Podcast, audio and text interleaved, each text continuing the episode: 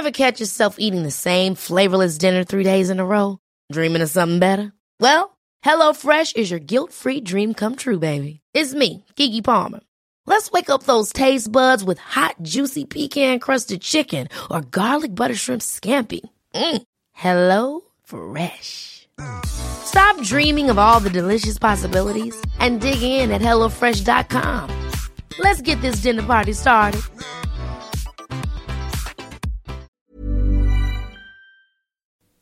Hej innebandy Sverige! Välkomna till det här avsnittet. Peter Svensson Hörnsten. Han är född 1968. Spelarmeriterna är många. Han var med och bildade IBK Sundsvall 1986. Han eh, har spelat i SM-serien, Elitserien, SSL under jättemånga år. Han har eh, gjort sex A-landskamper. Han var med och vann EM-guld 1994 med Sverige. Han har haft massor av tränaruppdrag från 1988 till idag. Alltså han är en av Sveriges mest rutinerade tränare alla kategorier. Framförallt så är han ju känd för att eh, vara Mr Riksinnebandygymnasiet. Han har varit instruktör sedan starten 2002. Det är 20 år exakt nu. Eh, I detta nu som man startade första eh, RIG. Det var med eh, killar och tjejer födda 1986. Senare i höst så kommer man starta uttagningarna för killar och tjejer födda 2007. Vi har ett jättespännande samtal. Fokus är på RIG. Så ni som är intresserade av RIG och hur allt fungerar kring det, ni har ett häftigt Eh, avsnitt framför er. Men även ni andra som gillar innebandyn, eh, innebandy har mycket att lyssna på. Nu släpper vi in Peter och det här avsnittet. Nu kör vi!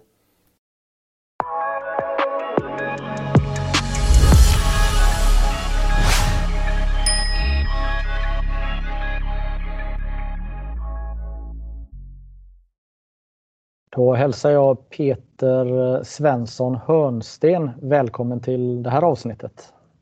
Tack, tack. Hur är läget? Ja, men det är väl eh, bra får jag säga. Vi har ju startat upp årets RIG-säsong med en vecka i Prag eh, som, eh, ja det var förra veckan då, där vi har haft träningsläger och försökt skola in alla nya i både det sociala och i vårt sätt att spela lite grann och spela Check Open. Och nu har vi en veckas eh, återhämtning kan man säga när det är inflytt för de nya och nästa, gång så start, nästa vecka på måndag så startar skolan upp och då, då, då, då kör vi. Ja, eh, får gratulera till de 20 första åren då som ansvarig för RIG i Umeå. Ja, men tack. Det, ju, det är lite konstigt när man har uttagningar och, och inse hur länge man har hållit på eh, faktiskt. Det, var, eh, det, det, var, det har ju varit några sådana moment genom åren. Jag kommer ihåg när vi skulle ha 94 in, då tänkte man men herregud, jag menar ett av de största idrottsminnen jag har det är ju när Sverige tog eh, VM-brons i fotboll och de här de, de var inte födda då. Och så gick det ett tag, sen var det 00 som skulle in. Och då tänkte man hjälp, nu är vi liksom, vart är vi nu? Och nu i år så är det 07 och då har jag min första dotter, hon är 07, alltså nu är det liksom hennes kull och det känns ju helt absurt. Så att ja, här, tiden går. Ja, exakt. Eh, jag hade ju förmån att vara uppe och göra ett studiebesök. Jag minns inte om det var under första året. Men eh, och man var och besökte där som eleverna bodde och man såg eh, ja, era träningsmöjligheter. Men skulle du kunna lite snabbt berätta hur, hur har resan varit från eh, 2002 till, eh, till idag? Vad, eh, vad har hänt?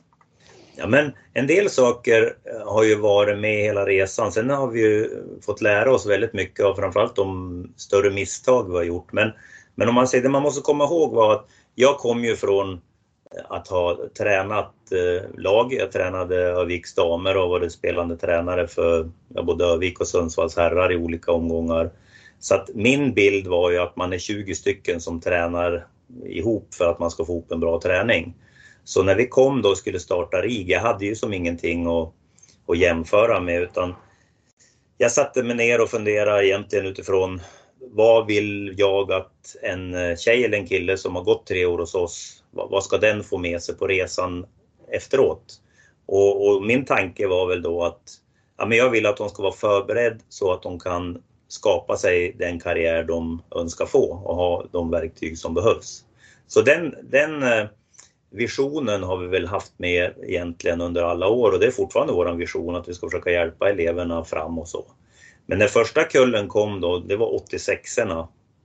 När de kom till, till oss då, så, så hur får man in dem bland 20 andra på dagträning? Ja, då fanns det ju ett, ett eh, lokalt eh, gymnasium, det finns det fortfarande i Umeå, som vi slog ihop träningen med och körde gemensam träning. Och då använde jag mina kunskaper som lagtränare.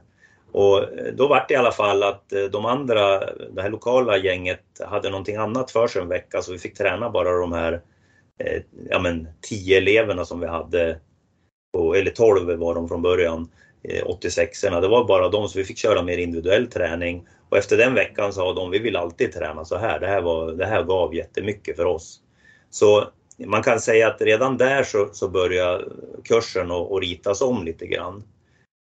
Eh, saker som har hänt under resans gång är att vi har ju haft ett elevhem under alla år. Från början så sa jag att det är okej okay om man vill bo på eget ställe när man går på RIG. Men, men det lärde vi oss ganska snabbt att de som inte bodde på elevhemmet och flyttade in utifrån, det, det vart för tufft för dem för de blev liksom för ensamma på, på kvällarna. Så det var en ganska snabb också så här ny kursinritning att första året bor man på elevhemmet. Eh, nu har vi ju bytt eh, faktiskt lokaler sen du var där eh, bara för ett par år sedan så att vi har en annan skola, vi har ett annat elevhem och vi tränar i en annan hall. Men eh, elevhemmet är ju alltid hjärtat i den här verksamheten och, och det blir som, det, vi kallar det för RIG-familjen där eleverna blir bröder och systrar på ett sätt som jag tror är en stor anledning till att vi får så stora framgångar. Det blir en, en social trygghet för dem. Men sen andra saker som har hänt från början när, när vi startade RIG så placerade vi ut eleverna i olika klubbar i Umeå då för att ja, men de skulle få sin speltillhörighet där. Men det märkte vi ganska snabbt egentligen att det vart eh, lite trassligt Först och främst så kunde de ju sitta på buss nästan halva kvällarna för att ta sig till och från träningar om inte de stämde bra med, med elevhemmet i geografi sett. Men eh, också då att efter några år så började det bli lite mättad marknad på rigare så då fick vi skicka upp dem för högt upp i seriesystemet eller eh, ja, men det vart bara rigare i vissa lag så att, så att deras identitet som klubb försvann. Så, så det växte fram där efter några år att vi måste ha ett eget lag. Och det var 2006 vi startade RIG Umeå IBF.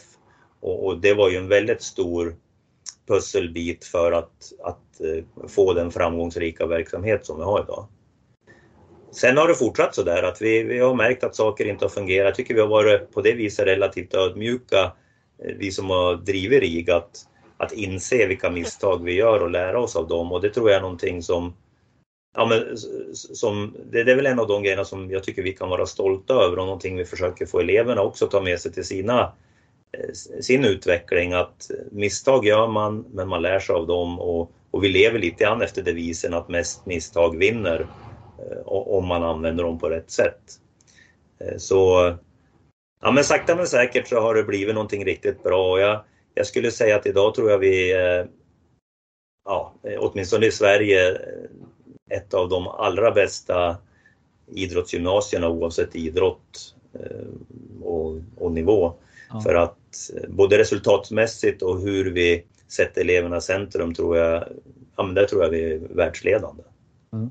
Jag tänker också att eh, med åren här så har ni ju lärt er också att hantera de här vardagliga problemen, vad man nu ska kalla det. Det kan vara hemlängtan om man har flyttat hemifrån. För man är ju ändå 16 när man eh, eh, flyttar då och det är ju, det är ju tidigt, eh, absolut. Och eh, ni, ni, eh, ni, vet väl också då vilka faser de som flyttar till er befinner sig i och ni kanske också har ännu mer redskap att, att, att jobba med då nu när ni har erfarenheten och ni kan också berätta, tänker jag, hur utvecklingen är att, att flytta hemifrån som, som ung och eh, få den här utmaningen att, att eh, syssla med innebandy på högsta nivå och, och inte göra det eh, hemifrån om man säger så.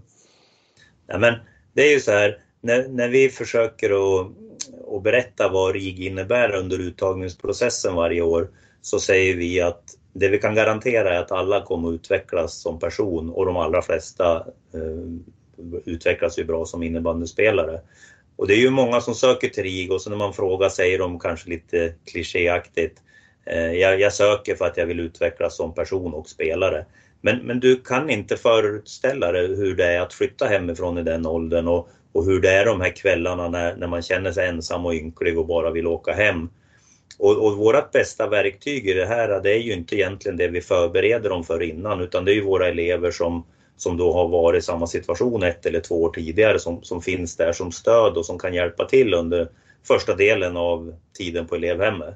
Och, och där har det ju blivit en kultur att, att treor och tvåor kände när de kom att de blev omhändertagna och nu vill de göra ett ännu bättre första intryck för, för de som kommer. Så att där, det är inte vi ledare egentligen som ska ha cred för att, att det där jobbet görs bra utan det är verkligen eleverna som har byggt upp en, en otroligt omhändertagande kultur skulle jag säga.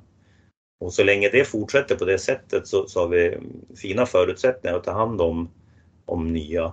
Sen är det ju så att under ganska lång tid nu så har vi haft en sån här veckas läger som vi hade nu då i Prag. Då vi åker iväg utomlands. Det vart ju inom Sverige under pandemiåren då, men annars har vi varit Eh, säkert tio år i Prag. Och den veckan, innan vi hade det så var det ju då att om, om man inte kom in riktigt första dagarna på elevhemmet och bland liksom i laget utan man kände sig lite utanför. Då, då kunde man lätt få panik som, som ny och känna att nej men det här är inte rätt för mig. Och det hände ju mer än en gång att det var någon som flyttade hem under första två veckorna bara liksom av den anledningen. Men, men när du åker till Prag och du får den där känslan första dagarna så det finns liksom ingenstans att ta vägen utan då får du jobba in det och vi, vi noterar det här, eleverna, de äldre noterar det här och så jobbar vi tillsammans in de här personerna, oftast med ett väldigt bra resultat. Så att vi har ju haft en, en helt annan första eh, ingång för, för de nya sen, sen den här veckan började och eh, starta säsongen.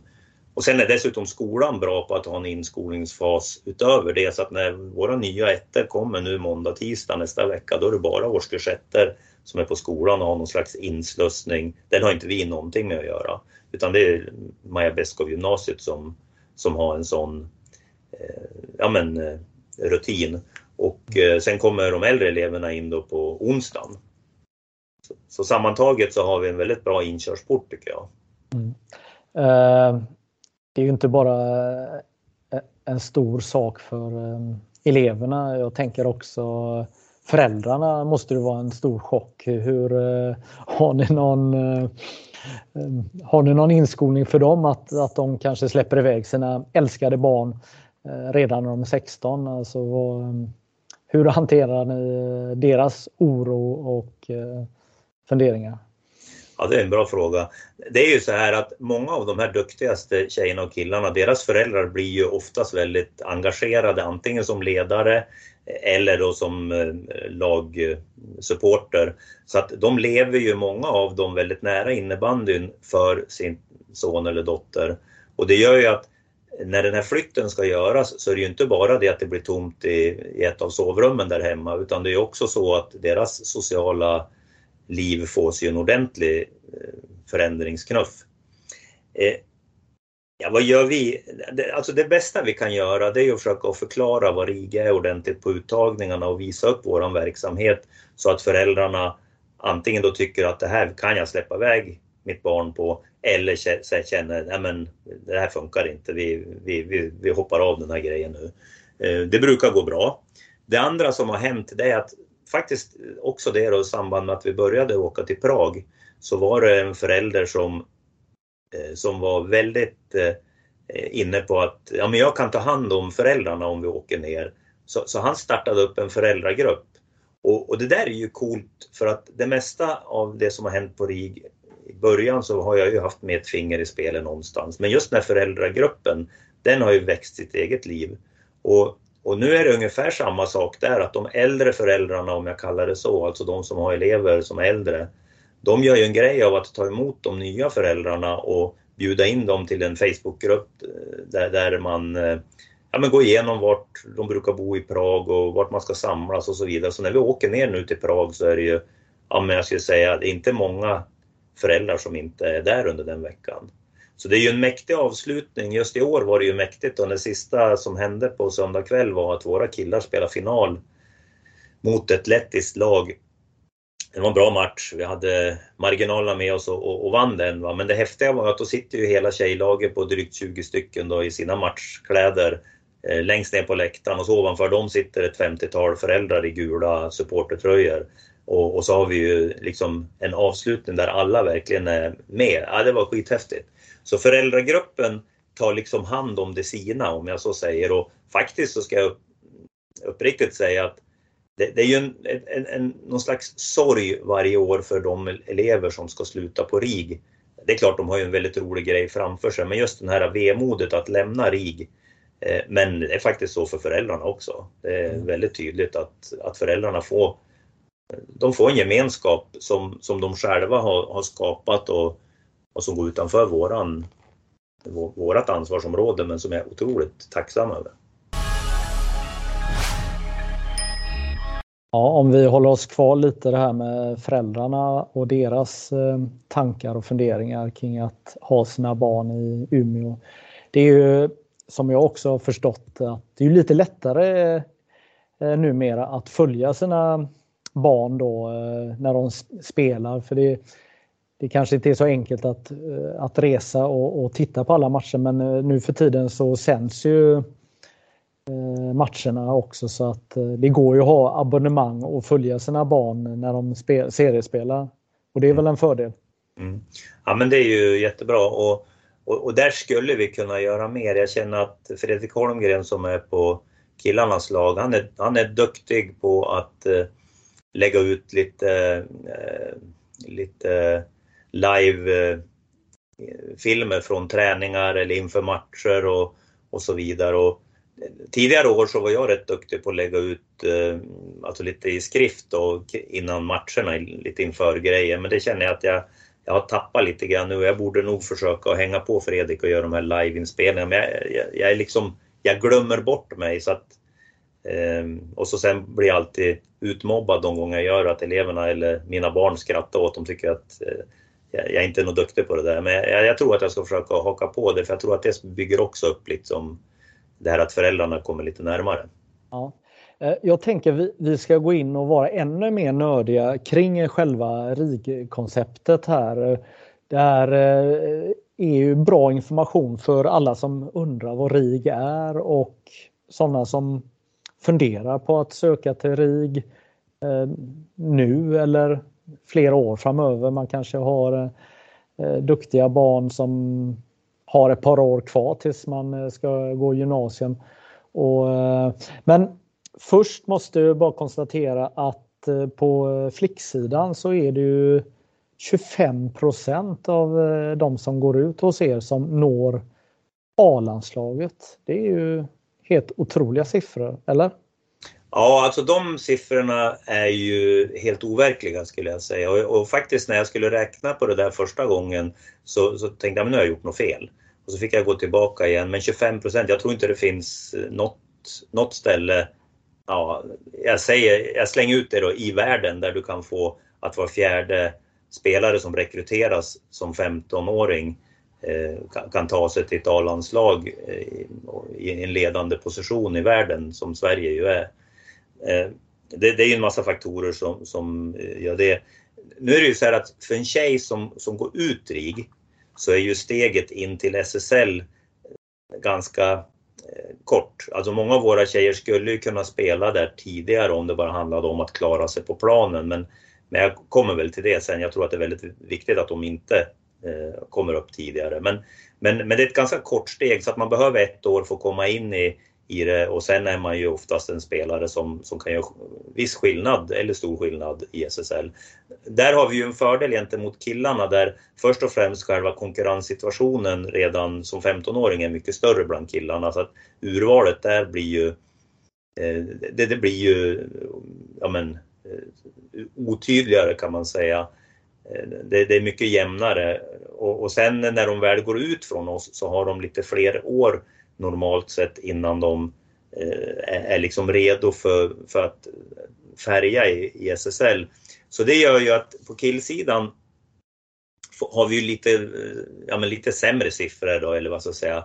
Så nu har jag inte exakt koll på, men om man, om man slår ut alla RIG-elever så ligger vi strax under 20 procent tar sig till A-landslaget och eftersom vi vet att det är drygt 25 procent av tjejerna så blir det en lite lägre siffra för killarna. Men men det tror jag vi kommer att få leva med. Jag tror inte vi kan göra så mycket åt det. I så fall så skulle vi ha nästan höjt åldern på killarna så att vi hade haft dem eh, lite senare i karriären för att nu blir det mycket som påverkas av de första lagen i den nya klubben de kommer till och så. Men mm. eh, vår verksamhet, eh, jag, jag, tycker vi hittar rätt, eh, rätt saker att leta efter när vi ska ta ut elever och rätt saker att jobba med och sen har vi en väldigt bra miljö runt omkring oss som gör mycket av jobbet.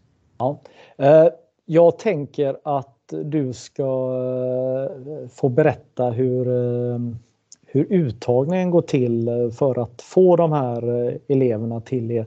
Men först skulle jag bara vilja ha lite fakta. Hur många elever är det varje år som blir antagna och är det någon bestämd fördelning hur många killar och tjejer, målvakter, positioner och sånt där? Om vi börjar med, med siffrorna här. Vad, vad, mm. Hur många är det som börjar varje läsår? Eh, varje läsår så tar vi normalt in åtta killar, åtta tjejer. Det är en målvakt kille, en målvakt tjej och så sju utespelare. Vi brukar ha eh, någonstans mellan 250 och 300 sökande fördelat på eh, 60, 65% killar och resten tjejer. Det är lite olika från år till år. Ehm, det betyder att vi har ganska många som vi ska försöka och eh, scouta och eh, scoutingsystemet eh, för vår del är ju besvärligt. Så därför gör vi aldrig någon större reklam, så här sök till RIG, för att vi behöver egentligen inte fler sökande. Vi bara, det viktiga för oss är att vi får rätt sökande om man så säger. När vi och, gör... och vad är rätt sökande? Ja, jag ska komma till det strax. Ja. Jag ska bara säga att av de här åtta, eller av de här sju utespelarna så, så brukar vi få frågan, är det liksom speciella positioner eller hur? Alltså det är ju så här att vi har ett ganska flexibelt sätt att spela innebandy på så att vi behöver inte ha exakt så här många backar eller forwards. Men man kan väl säga att de, de eh, spelarna vi först har längst upp på listan, de tar vi ut oavsett positioner. Och vi säger då att det är fyra spelare som, som står ut lite grann ett år. Så tittar vi ju sen när vi ska ta ut de, de sista, för det är ju väldigt jämnt ofta om de här platserna bakom de, de som står ut mest. Då tittar vi, har vi rightare? Eh, har vi behov av att ta in någon fler rightare för att det här ska bli bra? Eh, har vi behov av fler back eller fler centertyp eller fler forward? Så där är det ju så, för där resonerar vi att om vi skulle ta ut de sju bästa och alla de var backar, då blir det ändå ingen bra utvecklingsmiljö för de som kom in femma, sexa, sjua. Då skulle det vara en bättre miljö om du var forward och får liksom vara lite längre fram i hierarkin. Så, så det finns liksom inget riktigt bestämt mönster för hur vi tar ut spelare utan vi, vi försöker att göra, eh, göra någon slags, eh, hur, hur, får vi en bra balans i slutändan. Men målvakten tar vi en av alltid. Det, det ingår liksom i, i konceptet. Och då är planen den, varför det är just sju då, utespelare och en målvakt, det är ju att om vi då har ett träningspass med årskurs 1, då kan vi avsluta med smålagsspel då vi har eh, en målvakt på varje mål, en kille och en tjej, och vi har tre mot tre spel om vi vill eller två mot två spel. Och då har vi då alltså sex eller sju killar, sex eller sju tjejer. Om någon skulle vara borta så, så finns det alltid plats för att vi kan köra smålagsspel. Så då blir den lilla gruppen Eh, en bra träningssituation. Eh, och sen slår vi ihop då tre årskullar, då får vi tre målvakter och 21 utespelare, vilket ju då är en väldigt bra trupp att spela med. Eh, när vi gör uttagningen så har vi lärt oss vissa saker och här blir man lite cynisk nästan och när, när, när man frågar mig vad, vad, krävs för att komma in på RIG? De två första sakerna jag säger då, det är bra betyg och bra kondition. Och det låter ju lite eh, trist och lite så här skolmässigt nästan. Man tänker, men då innebandy då? Men det är ju så att de som söker sig till oss är ju duktiga att spela innebandy och som sagt var så är det ju en stor andel spelare som kommer så att vi vet att får vi bara in de som kommer att orka med skolan och kommer orka med träningarna så finns tre års utvecklingsmöjligheter där och vänta på dem. Från början så var vi mycket mer tittade bara på innebandyn och tog ut eh, i stort sett då liksom de vi tyckte var vassaste spelarna. Men det jag har lärt mig det är att man får väldigt dåligt eh, betalt för att ta en spelare som har tydliga brister i att, om vi kallar det, ta hand om sig själv. Och det tycker jag att man kan säga att har man slarvat med skolan eller man har slarvat med, med träningen eller konditionsdelen så, så, så finns det ett glapp där som, som är väldigt svårt att, att förändra under åren hos oss. Och sen kan, ju, kan man ju säga så här, ja men den här killen eller tjejen har inte alls slarvat med till exempel skolan. Eh, han har jobbat väldigt hårt eller hon har jobbat väldigt hårt men, men har det svårt. Ja, exakt. Men det är också ett incitament för att RIG är fel ställe att gå på för där ska du ju klara av faktiskt att hantera skolan utan att ha en familj som, som hjälper och stöttar dig. Då borde du inte gå på RIG. Så, så vi har blivit ganska så, ja men som jag säger, cyniska här att får vi en, eh, jag, jag som har hand om tjejerna, får jag en tjej som som har bra betyg och, och bra kondition och, och, ja, men typ söker naturprogrammet, då vet jag att här har vi en som är beredd att jobba och då får man alltid tillbaks någonting av dem. Eh, det, det har vi lärt oss. Men vad, vad innebär eh, det? Vad, vad, är det för meritpoäng vi snackar ungefär och vad är det för kondition mm. eh, ungefär som man bör ligga någonstans mellan tummen och pekfingret? Ja, men om du tänker att har du, snittar du C i betyg som eh, när du går ur nian, då, då, då, då känner vi oss trygga. Sen om du har eh, B i snitt så, så kan det vara en liten fördel men, men, men har du D i snitt så är det stor nackdel om du förstår vad jag menar. Så att, så att mm. även om du skulle gå ut med A hela vägen, det är inte det vi är ute efter utan vi vill känna oss trygga med att det här kommer att gå bra. Mm. Konditionsdelen så är det ju så att Eh, när vi började så höll vi på väldigt mycket med Cooper-test och då, då var det ju så att om killarna sprang, ja man kan säga så här, om en kille springer eh, 12, eh, 11, 11, 15 eller sämre. När han går på RIG så kommer han att hamna i det vi kallar löpgruppen för att vi vill att de ska ligga bättre eh, än 11-15. Eh, och när en tjej ligger över 13-15 på 3000 meter så hamnar hon i löpgruppen. Och ska man då titta på eh, vad det motsvarar på BIP så, så killarna ska ju ligga nära, de ska upp mot 12-8 eller upp mot 13 nästan på BIP. Och tjejerna ska över 11. Annars är de löpgruppen. Och, och då vet vi det att ett år när vi har det blir ju mycket att jag utgår från tjejerna här eftersom jag, det är de jag har ansvar för. Men om, om, om vi har ett år när vi har få som är med i löpgruppen, då är vi nästan oslagbara skulle jag säga. Och eh, har vi många som får jobba på med konditionen, då det är de åren som, som vi är mer sårbara för Eh, ja, men både i Allsvenskan och i JAS. Så för mig är det ju, skulle jag driva ett eh, SSL-lag eller eh, för, skulle jag ha hand om landslagen i Sverige så skulle jag definitivt driva vidare det här med att ha bra konditionsvärden. Jag skulle absolut välja en lite sämre tekniker med bättre kondition än tvärtom. Mm. Så jag tänker så här att när är det man eh, Eh, när är det naturligt att man börjar fundera på gymnasiet och exempelvis RIG? Eh, eh, är det i sjuan, är det i åttan? eller när är det man, man gör det? Eller är det först i nian? Och när kommer ni in i bilden? När, när börjar ni eh, eh, ja, helt enkelt jobba med de eh, kommande? Ja, där, där ska jag säga att om jag börjar bakifrån på de där frågorna så kan man säga att vi kommer ju in för sent. Vi kommer ju oftast in eh, i princip när, när man söker till RIG. Och eh, först, först då kan vi berätta vad, vad, vi, vad vi eh, tittar efter och det är klart det är svårt att påverka betyg och kondition på, på, några månader där. Så det är ju ett sånt här forum att sitta och prata med dig och förhoppningsvis att både föräldrar och, och kommande sökande kan se det här Eh, några år innan det är dags är ju optimalt egentligen. Eh, jag tycker att de grejer vi pratar om är ju någonting som är generellt för hela Alltså det spelar ingen roll om du är innebandyspelare, fotbollsspelare, hockeyspelare eller vad du än är.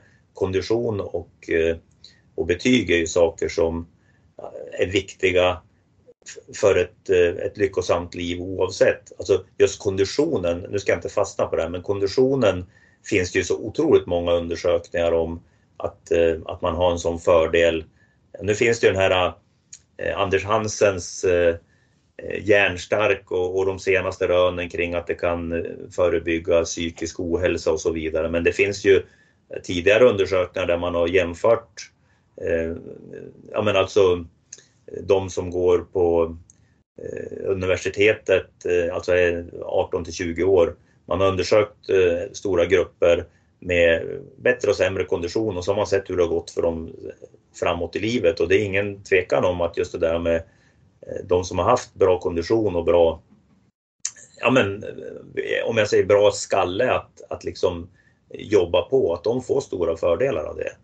Och, och skolan kan ju alla räkna ut att eh, lägger du tid på, på dig själv genom att plugga eller vara nyfiken under lektioner, det är ju sånt som du kommer att behöva kunna göra i, i många sammanhang framöver. Så så, så vi kom ju in för sent med de här grejerna och, och det är ju en stor nackdel. Jag, jag, tror inte att man behöver börja införa det här allt för tidigt men, men om jag säger som när jag har tränat nu då min dotter i ett 07-lag så, så vi började ju redan när de var 11 år så, så har vi lagt på ett löppass i samband med en av innebandyträningarna och det har vi gjort under alla år med dem.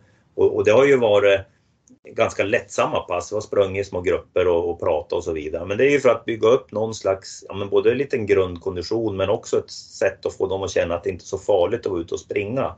För jag tror ju att när man ska börja träna det här så finns det ett motstånd mot att ge sig ut och springa för det är ju så besvärligt och jobbigt. Och, och vi fick ju kriga med både föräldrar och, och de här tjejerna första året, ja, första åren. Eh, men nu när vi har träningar så kommer de bara ombytta och så sticker de ut och springer och så och så vet de att det här har vi fördel av när vi spelar matcher och kupper och så vidare. Så att under sommaren nu, då, då är det flera av dem som har tränat extra som en förlängning. Så jag tror ju att någonstans på vägen så måste vi hjälpa tjejer och killar att förstå att skola och, och, och, fysik är viktiga saker oavsett vad de ska göra. Och för att kunna ha en chans att påverka det för en riguttagning, då, då måste man nog börja bli medveten om det här i början av åttan senast, men kanske sjuan. Mm. Tänker jag. Var, bara ett inspel här, vad, rent konkret, vad, vad är det era tjejer i 07-laget har gjort från 11 års eller från 11 årsåldern? Vad, vad, vad är, är, det två kilometer när de sprungit innan träningen, fyra kilometer? Vad, vad, vad har de gjort? Intervalllöpning? Vad... Ja, eh, första året, eh, eller första åren, då hade vi två olika runder. En lång runda som var ungefär 3 kilometer och en kort som var kanske 2,5 eller så. Det skilde inte så mycket. Och då, då sa vi till dem så här, vilka vill springa långa rundan och vilka vill springa korta? Och sen hade vi en runda som vi kallade jätte, jättelånga som man fick springa, men den var ju kanske 3,5. Alltså det skilde inte mycket på dem. Och sen frågade vi vilka vill springa fort och vilka vill springa långsamt. Och så sa vi, men ni springer i den här gruppen hela vägen oavsett, ingen lämnas bakom. Så att eh, vi hade ju några som knappt tog sig den korta och det var några som ville springa den långa. Så första åren så var det ju bara eh, den typen av löpning. Och den här, de som hade allra tyngst, så då, då gick vi en bit mitt på vägen också. Men, men då ska man ju veta att när vi startade då kom de ju med, med alltså, så här, eh, snöskor en del av dem och en del kom ju, hade bara shortsen med sig fast det var vinter ute. Och, så att de var ju inte direkt dedikerade och, och vissa föräldrar kunde säga att mitt barn ska inte behöva vara med och springa. Det är, liksom, det är alldeles för jobbigt. Men, men sakta men säkert så Alltså det vi gjorde egentligen andra året när vi märkte att det var ju flera av dem som inte ville vara ute och springa och vi tyckte att det var viktigt. Så då körde vi in eh, en, någon slags eh, styrkeintervall, en cirkelträning för de som hellre ville vara inne. Och den körde vi stenhårt med dem och likadant varje gång. Och, och de tyckte det var så tråkigt så det var någon av dem som provade att vara med och springa och då sa de det här var ju mycket roligare. Så vi liksom lurade sakta men säkert ut hela gruppen. Ja. Sen och, de... och, och, den här eh, extra träningen då sker ju innan, eh, ja. in, innan eran eh, inomhustid då? Ja. Sen har vi gjort lite annorlunda några år eh, därefter. Då körde vi att var tredje gång så hade vi en sån här runda. Var tredje gång körde vi intervaller, vilket de nog tyckte var roligare. Och var tredje gång hade vi det vi kallar en rolig löpning. Och då var det så här att då hade jag en del uppdrag och så fick de komma då i grupper och så sa de ett nummer tre. Och då kunde du stå och spring till bron och, och sjöng en sång hur bra tränare ni har och spring tillbaka. Och så gjorde de det och så sen så var det spring upp till gungan och ta ett kort när alla sitter i gungan och så springer ni tillbaka. Så då hade de med sig mobil och så hade de små uppdrag. Så då, då, det vart ju någon form av intervall, men det tyckte de ju var lite roligare. Så att vi har kunnat variera, men, men än idag så är det ganska... Vi har aldrig haft en tävling och vi har aldrig haft egentligen ett beep-test eh, eller någonting sånt, utan vi försöker göra det så att de ska känna ingen skräck för att springa. Nej. Förra året var första gången som vi började använda beep-test, men då gjorde vi så att vi bestämde en nivå som de fick springa och så var det uppvärmning, uppvärmning alltså med boll. Så vi sprang upp till nivå 5 med boll, sen stängde vi.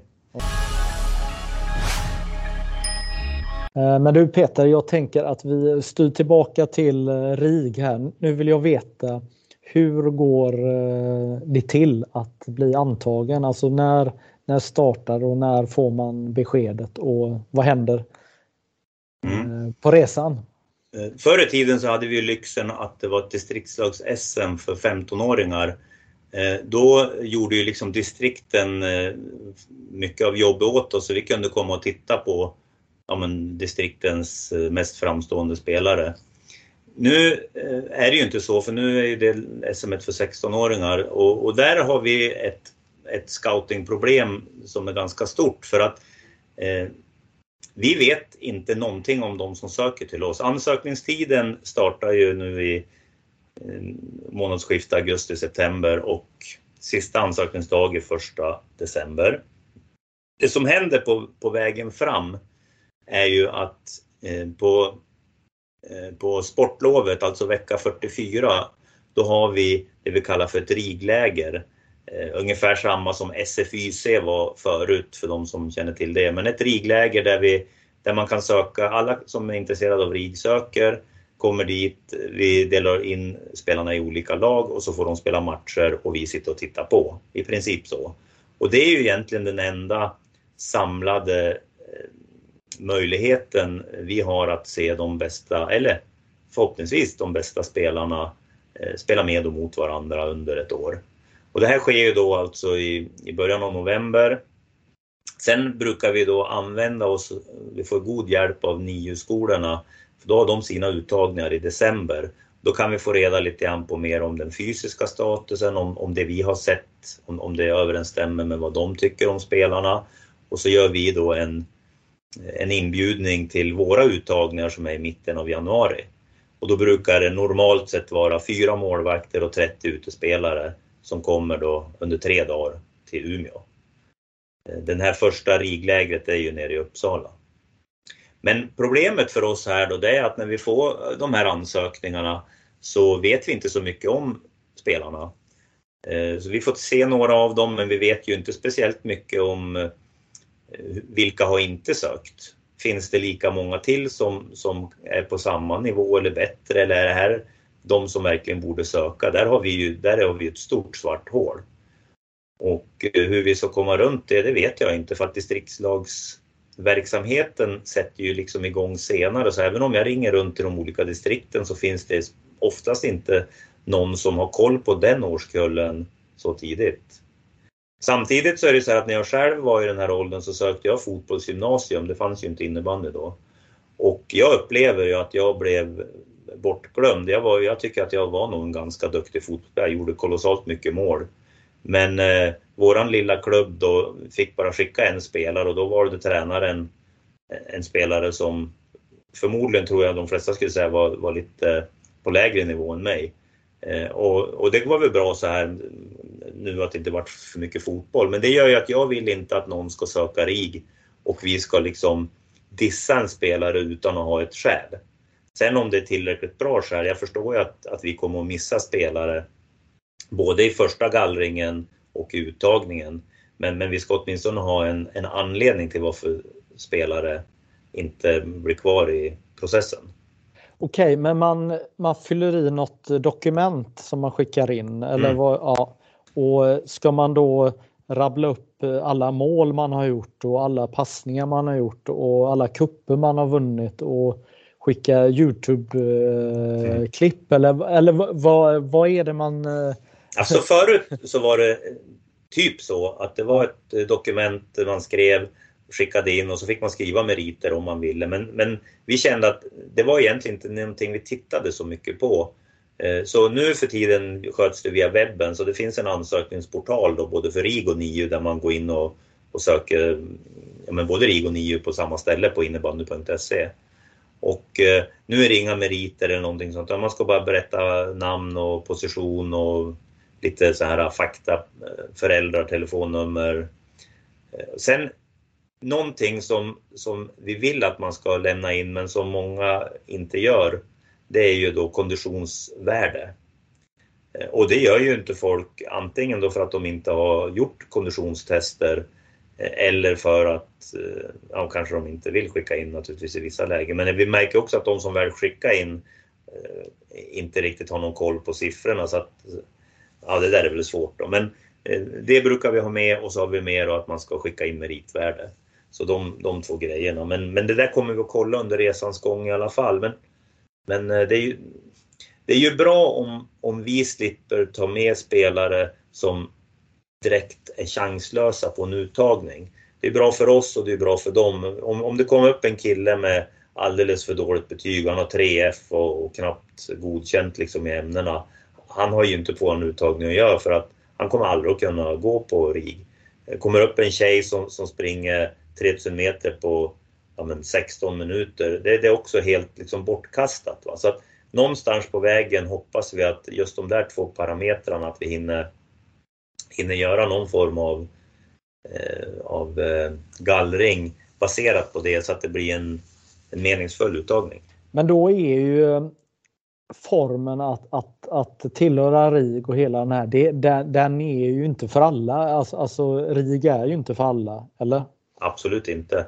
Alltså, det försöker vi vara ganska noggrann med under uttagningen och berätta att vill man nå framgång inom innebandy så finns det ju en del olika vägar. RIG är en väg men den är ju för väldigt få. Och dessutom är det precis som du säger, det, det är ju en det är ju vissa egenskaper du, du kommer att behöva som du inte behöver om du, om du tar andra vägar. Till exempel klara av att flytta hemifrån, till exempel klara av skolan, till exempel klara av att redan nu ha en bra kondition. Eh, om du Eh, alltså du kan ju klara av att nå alla de här eh, grejerna vi försöker att hjälpa våra med på hemmaplan i din klubb. Men, men då får du, eh, får du hoppas att du har rätt typ av vägledning. Det, det som är lyxen hos oss är att du får träna med och mot väldigt bra spelare och att vi faktiskt har lärt oss lite grann vilken väg man ska gå för att nå de här framgångarna. Så där får man ju lite gynnsammare Eh, ja, men hjälp kan man väl tänka sig. Mm.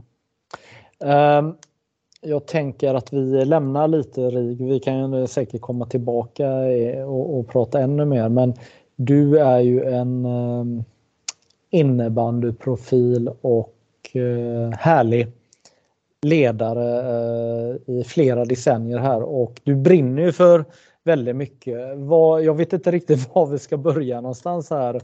Eh, du brinner för ledarskap och du brinner för hur man ska träna och även hur man ska träna unga. Eh, jag vet inte, var, var ska vi börja någonstans? Eh, du får välja. Var... Ja, men jag, jag, tänker så här att någonting som jag...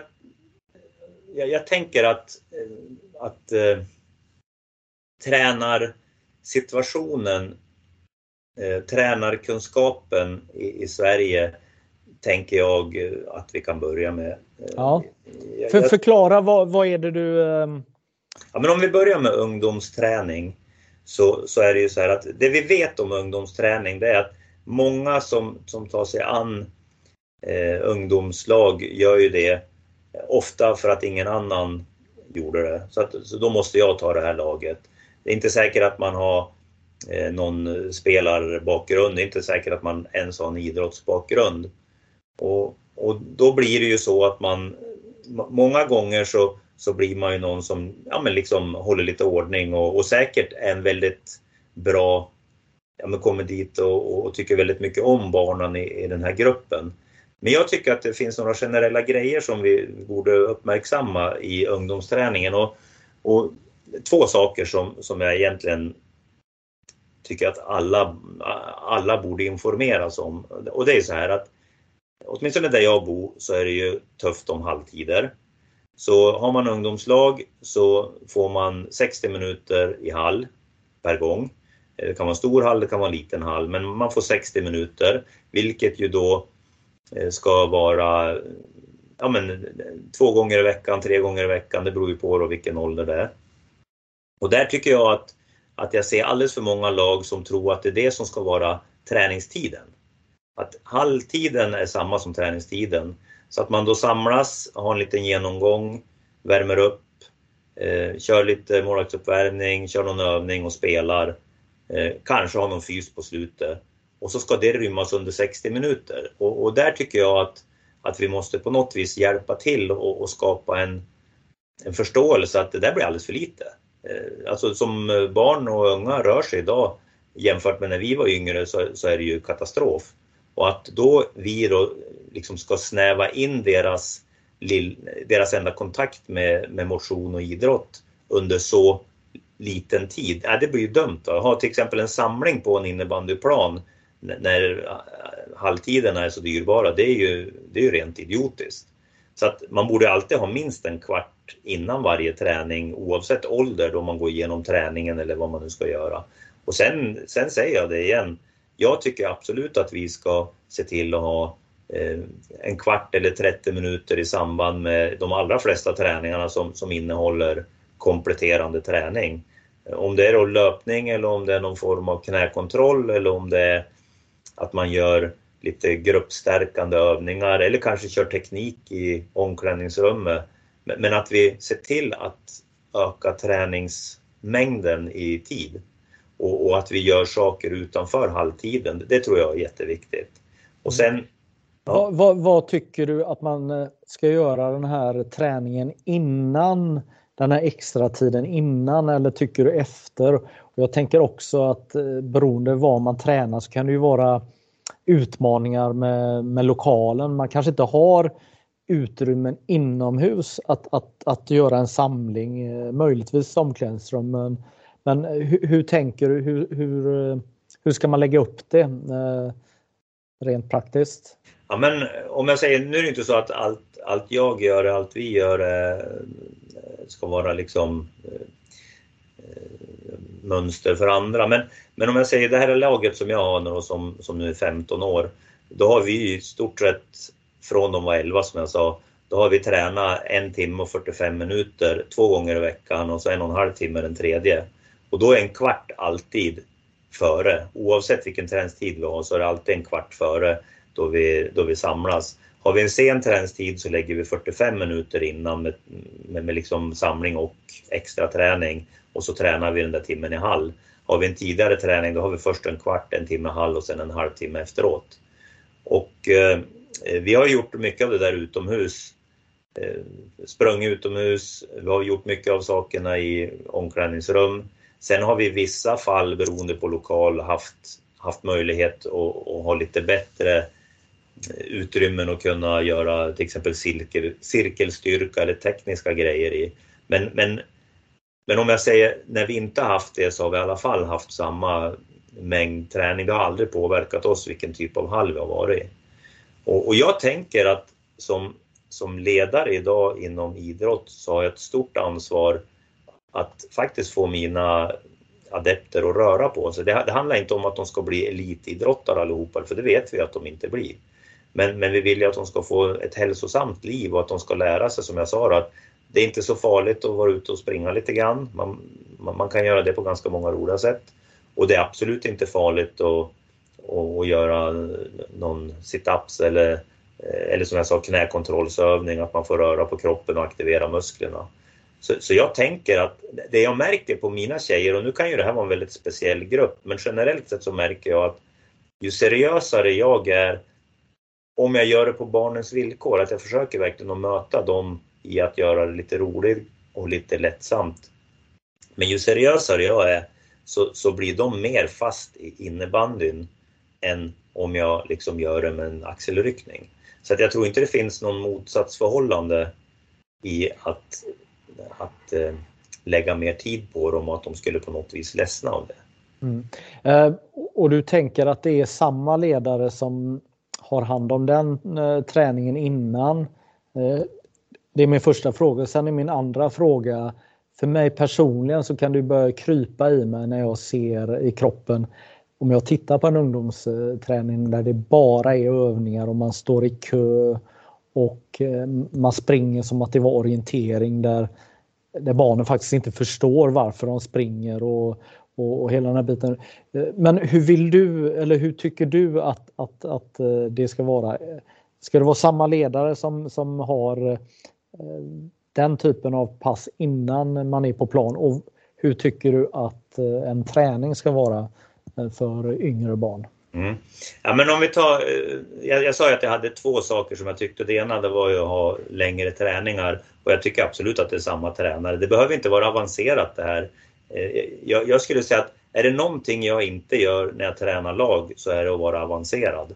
Utan jag skulle säga att jag är väldigt, håller mig väldigt basic. Och jag, jag tror att, att det är en framgångsfaktor, att man, man gör saker som, som är bara lite svårare än det vi har gjort förut. Man gör inte väldigt många nya saker och inte väldigt krångliga saker utan man, man lär sig sina saker eh, så, så, vi gör inte så många nya saker varje år, men vi gör dem väldigt tydligt.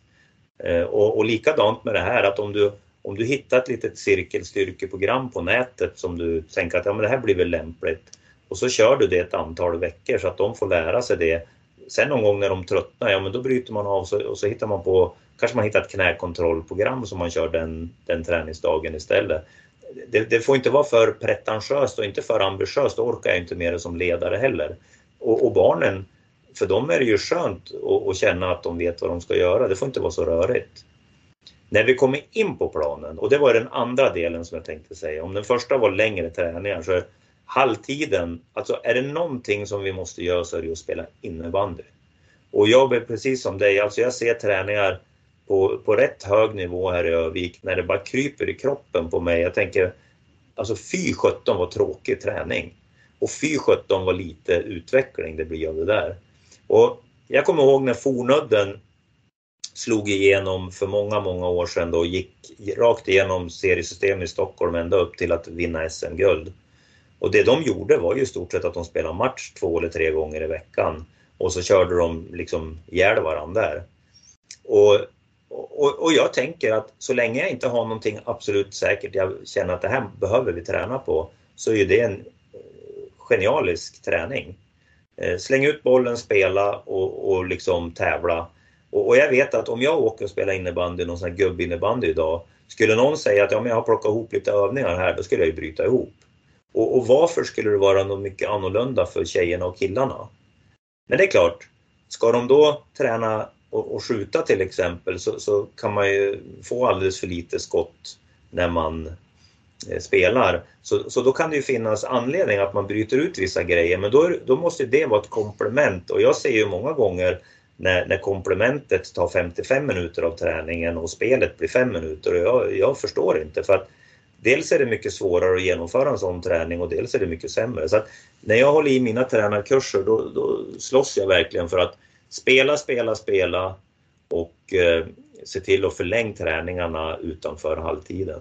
Mm. Sen... Hur, hur, tycker du att man ska spela? Ska man eh, dela in plan? Ska man köra tre eh, mot tre med målvakt, tre mot tre utan målvakt med små mål? Ska man köra fyra mot fyra? Ska man variera spelet? Eh, eller ska man bara köra fem mot fem på helplan? Vad, vad tänker du? Nej, men jag, jag tänker så här att Eh, jag, jag försöker att kolla av vad spelarna tycker är roligt. För jag tänker liksom att kan, eh, vi brukar köra någonting som heter kungar och slavar. Eh, det finns säkert andra namn eh, som smålagsspel, både på RIG ibland, men framförallt då med de här 07 erna Då vi delar upp dem i smålag och så har vi två eller tre planer och, och vinner man så går man åt höger och förlorar man går man åt vänster. Och, och längst till höger där är det målvakter och sargen uppställd och längst till vänster då är det knappt liksom plats att spela. Så att det ska vara liksom Eh, en eh, morot att vara kungar och spela på kungplan och, och slavplan. Det där är det knappt någon som liksom tittar på dem ens. Och så kör man korta matcher. Ja men det tycker de är skitkul. Eh, ja men då är väl det en jättebra träning. Skulle de tycka att det var skittråkigt då är det ju bortkastat. Så man, jag, jag, tänker att man får försöka följa spelarna. Men vad, vad, om du skulle förklara vad är skillnaden mot jättefräcka övningar där det springer eh, spelare till höger och vänster kontra det här intensiva spelet där det mm, oavsett om man kör första målet vinner eller man kör två minuter eh, matcher. Vad, vad, vad, vad tänker du är vinningen att, att, att spela de här matcherna? Mm. Jag tänker så här. Eh, nu, nu, det blir långa förklaringar där, men jag tänker så här att när, när vi höll på och, och, och liksom lekte som barn, då var ju mycket lek att vi spelade Alltså vi spelade fotboll, innebandy, ja, men liksom, eh, och, och, och, fick lära oss att, att lösa situationer med och mot andra spelare. It's that time of the year. Your vacation is coming up. You can already hear the beach waves, feel the warm breeze, relax and think about work. You really, really want it all to work out while you're away. Monday.com gives you and the team that peace of mind. When all work is on one platform and everyone's in sync, things just flow wherever you are. Tap the banner to go to Monday.com.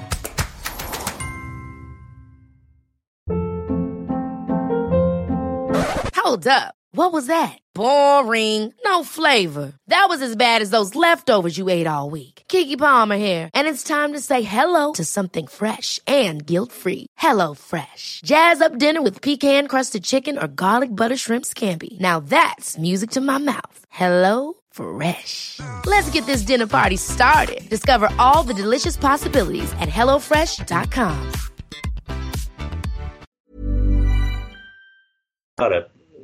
Alltså det blev ett naturligt inslag. Eh, man var på hockeyrinken och så spelade man, så var man åtta i varje lag, några med skridskor och några utan skridskor. Det var bandyklubbor och hockeyklubbor. Men man fick liksom, oj nu måste jag eh, ta mig förbi den där spelaren eller oj nu måste jag passa eller ja men. Eh, man fick lära sig liksom ett förhållningssätt som var flexibelt. Det, var, det, var, det kunde vara lite olika från gång till gång hur man skulle lösa situationer. Eh, när vi kör övningar så är det ju väldigt ofta att det är förbestämt vad vi ska göra. Du ska slå passningen här och springa dit. Det kan vara jättebra övningar med många passningar och, och, och, och liksom jättefina löpningar och så. Men du behöver inte tänka och du behöver inte förhålla dig utan du, du liksom, du blir, det blir som ett eh, löpande band bara att du ska göra någonting. Kan finnas poänger med det, jag säger inte att det är bortkastat. Men, men det jag är ute efter är att när du har så lite spel som dagens ungdomar har så behöver du få lägga mycket tid där du får lära dig att förhålla alltså lära dig relationer i spelet. Vi kan ta ett exempel till exempel. Eh, många spelare som kommer till oss, de har ju stått och skjutit i garage eller på bakgårdar och, och så står de och filmar sig själva när de skjuter tio skott i kryss i rad. Och, och det skulle jag aldrig klara. Så att de är ju långt, långt före mig. Men jag menar, Kommer du i en match och skjuter kryss och målvakten sitter med handen uppe i krysset så här, då, då går ju den bollen aldrig in. Utan du ska ju lära dig att om jag går åt höger lite grann och målvakten börjar röra sig, då är den väldigt sårbar till vänster. Eh, det är ju en relationsfråga där jag lär mig liksom att, att förstå hur den andra spelaren tänker. Eh, om jag ska slå en passning förbi en motståndare och, och de håller klubban åt ena hållet så, så är det ju väldigt tomt bredvid foten på andra sidan. Eh, men om jag vill slå den där de har klubban och så tar jag några steg liksom åt andra hållet så kommer de att lägga över klubban. Då blir det tomt där jag ville slå bollen. Alltså bara sådana saker att förstå hur en motståndare och en medspelare fungerar. Det måste man få spela i sådana situationer. Så att till exempel när vi tränar passningsspel både på Rigo och med de här små tjejerna så är det väldigt mycket fyra mot två spel. Alltså de får som en kvadrat där de ska röra sig, inte stå uppställda utan röra sig, försöka hålla bollen inom laget. Och jag tänker att det blir en mycket bättre passningsträning än att stå eh, i led och slå en massa jättefina passningar. För att här måste du slå dem så att motståndaren inte bryter, annars liksom tappar du bollinnehavet. Ungefär så. så att även om det inte är med mål så är det en spelsituation och, och det är bättre träning, tänker jag. Mm. Mm.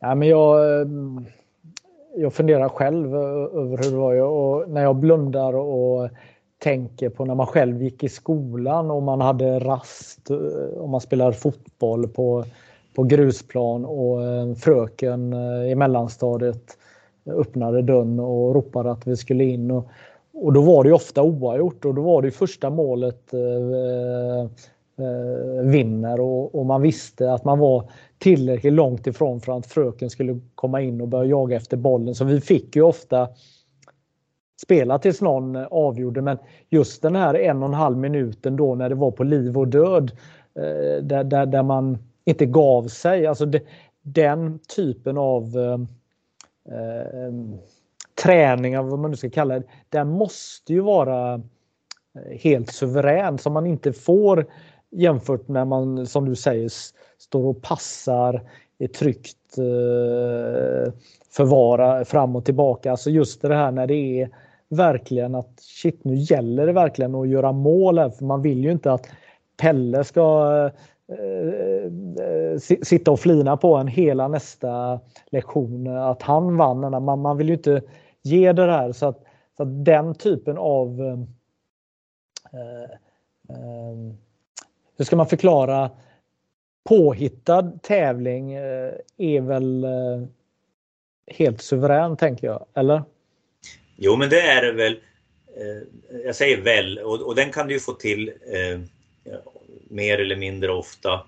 Men det finns ju en aspekt till också av, av eh, och, och, där krävs det lite grann av oss ledare och det är det att vi är ju vanedjur och eh, vi gör ju gärna samma saker i samma situationer. Det är liksom energisparande och, och det är ju underlättande. Det behöver vi liksom inte tänka så mycket. Och, och då tänker jag att eh, det kan vara bra att ha lite ryggmärgsbeteenden såklart. Men de kan ju också vara förrädiska. Eh, jag, jag var ju till exempel en spelare när jag började spela innebandy så var jag inte målskytt på samma sätt längre utan då var jag en som alltid sprang och tittade efter medspelare och så slog jag ju hellre ass. Så att det, om jag överdriver så skulle det kunna nästan vara så att, så att eh, målvakten skulle kunna liksom gå på passningen och jag skulle inte ha sett det för jag tittade liksom på fel ställe. Så, så i slutet av en match så skulle vi spela eh, jaga ett mål och, och, och, och, ta ut målvakten och, och de skulle ha sagt till mig nu lägger vi in bollar på mål. Så är det ju risken att jag hade kunnat titta efter passningar bara på ren eh, vana istället för att liksom bara lägga in bollen på mål, bara liksom lyfta in den. Och då tänker jag att det där är ju något, vi behöver ju lära spelarna att, att träna upp den här, om vi kallar det mindfulness-grejen, att, att leva i nuet, att, att, att kunna tänka när man kommer, oj, nu möter jag Magnus här, han, han håller klubban oftast åt det där hållet och han vet att jag brukar gå åt det hållet men om jag fintar dit och sen går åt andra då kan jag lura Magnus. Men, men oj, nu möter jag Peter. Han kommer ju sätta sig ner på, på knä och täcka här så, så då, Eh, då kommer jag inte att kunna göra den finten utan då här är det bättre att jag spelar från med bollen. Ja men du förstår att man att lära spelarna att tänka i nuet och, och ha någon slags nulägesdialog. Och, och det gör ju att vi försöker ju i spelet att, att diktera villkoren för, för att hjälpa till med det. Till exempel att man, eh, om, om, vi, om vi vill eh, att bollen ska spelas framåt eh, och inte stå och drällas eh, liksom på bakplan så, så kan vi spela en, en träning att du har ett visst antal sekunder och ta den över mittlinjen. Och, och gör man inte det då blåser vi över bollen till motståndarna. Vi, vi kan ha att, är det så att vi tycker att det är för mycket slag i vårt lag, vilket det ofta är tycker jag, då, då är det så att om, om någon slår med en hand på klubban, då, då ropar jag namn och så får den göra tre armhävningar direkt på plan. Så då blir man liksom i underläge några sekunder där. Så, så att man liksom lär sig att inte göra fel. Eh, vi, vi, kan ha så att man får pluspoäng om man gör vissa saker rätt. Det handlar ju liksom om att, att lära spelarna använda spelet till att styra sin prestation. Inte att prestationen blir styrd av spelet om du förstår skillnaden på de två. Ja, just det. Eh, jag funderar också vad det är som gör att man får utveckling. Eh, eh när du och jag och våran generation var eh, unga och lovande, höll på att säga. Vi spelade ganska mycket turneringar, alltså att eh, eh, när det var en ny helg så var det nya förutsättningar. Alla började eh, på noll och man spelade gruppspel och sen så var det ett slutspel på liv och död. Eh, ibland tog man sig vidare från kvartsfinal, ibland åkte man ut. Men man fick de här eh, gång på gång eh, kickarna av att, att, eh, att, att det var vinna och försvinna på, no, på något sätt som vi mycket i innebandyn har tagit bort. På seniornivå så har vi ju inga klubblagsturneringar eftersom allt är koncentrerat kring seriespelet. Om man bortser då från om man går till slutspel. Då. Och, och, och samma sak är ju på ungdomssidan när vi eh, först får börja tävla när man går i eh, sexan är det väl. Som man får spela kupper där det är tävlingar. Vad, eh, hur eh, hur eh, ja, jag vet inte riktigt om det är en fråga eller eh, vad jag ville komma till men vad, vad jag undrar är hur, hur, hur får man en jag. utveckling? Ja.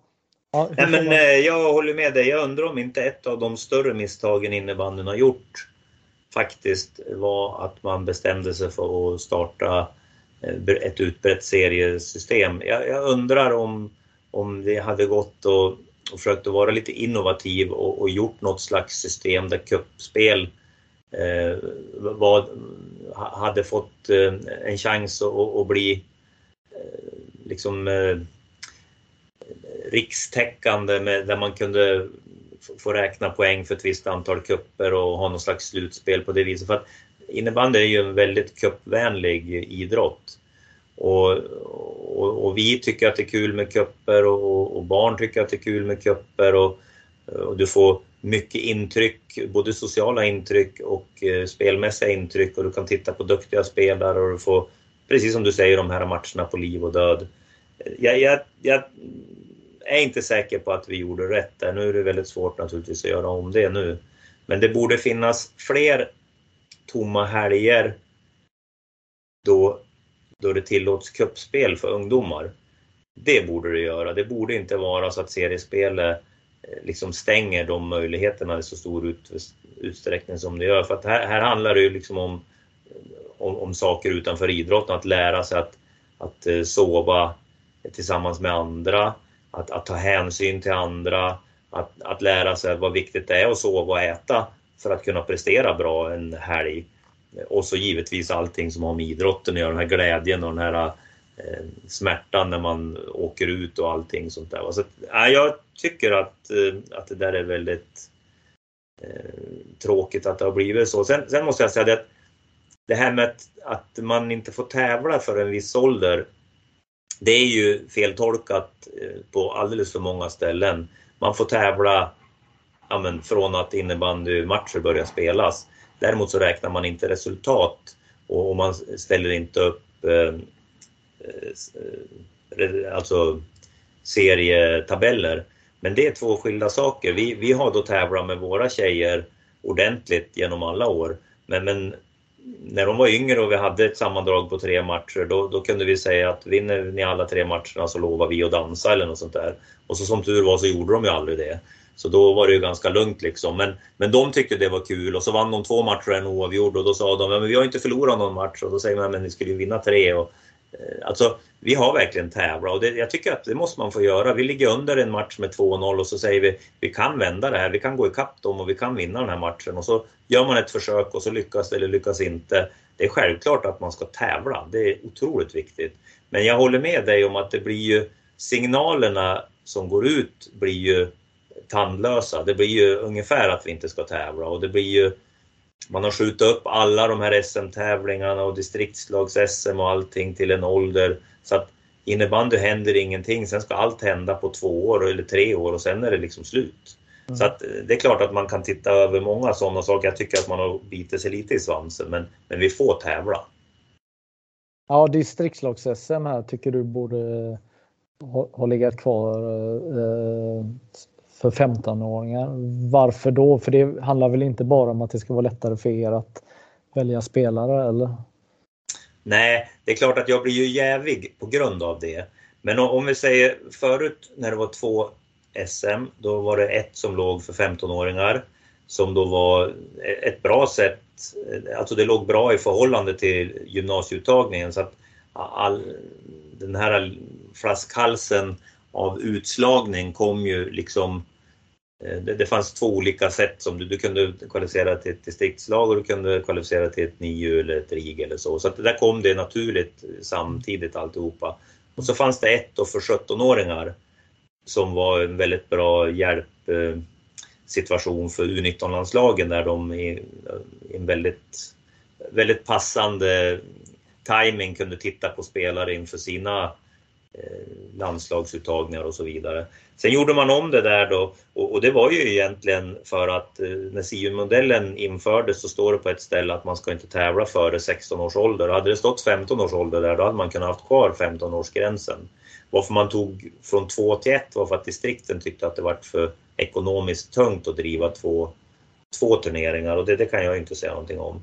Men det som blir effekten nu när, när man har det för 16 år, så det måste ju vara den sämsta möjliga åldern. För att fram till 15 års ålder så spelar man ju i sitt distrikt. Man spelar många gånger med sitt lag och helst ska ju alla göra det men det är klart att det blir lite värvningar på några ställen. Men, men i princip så spelar man med sitt lag i sitt distrikt och när man gick in i distriktslags-SM så var det första gången som, som man liksom fick se storheten i innebandy. Man fick tävla, de som kom dit fick tävla mot och få en uppmärksamhet och en, en liksom innebandyn blev en stor grej på ett sätt som var väldigt oskuldsfullt. Det var fantastiskt att vara på de där turneringarna tycker jag.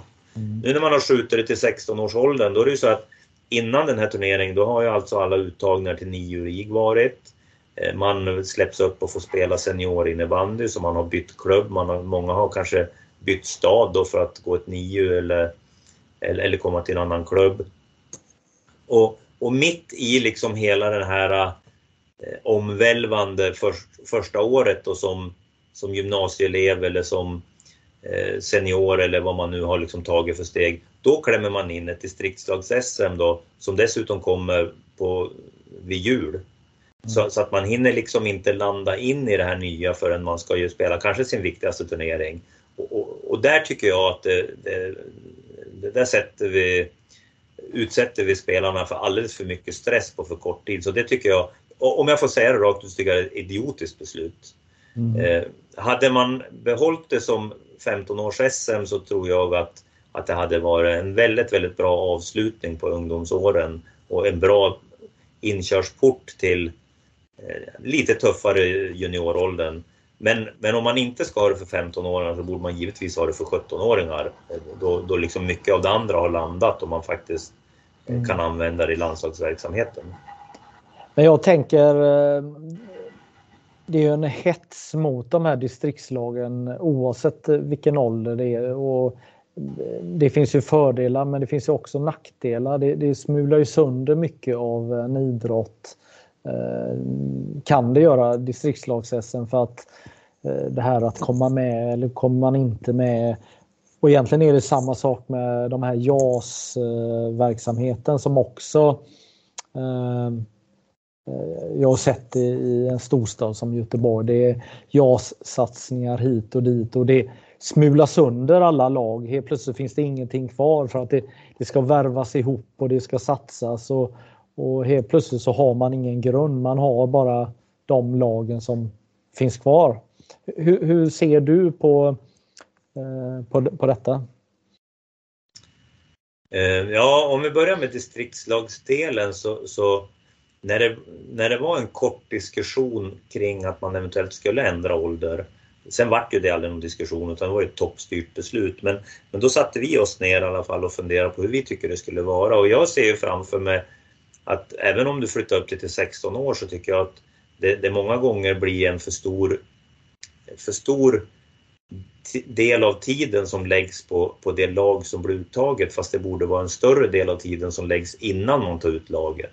Så jag såg, vi såg ju framför oss att man skulle ha en, en eh, centralt styrd eh, distriktsverksamhet som, som, där alla distrikt hade vissa helger då man fick ha verksamhet eh, då man skulle ha från början då öppna, öppna möjligheter för alla som, som ville i den aktuella åldern komma och vara med.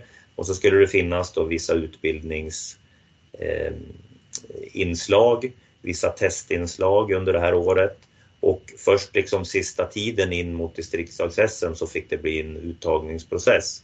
Och skulle då Svenska innebandyförbundet gå in och styra över det där så skulle man kunna göra det till någonting som många fick till godo snarare än att det blir bara liksom prat om att det är en negativ utslagningsdel. Så, så där tycker jag så.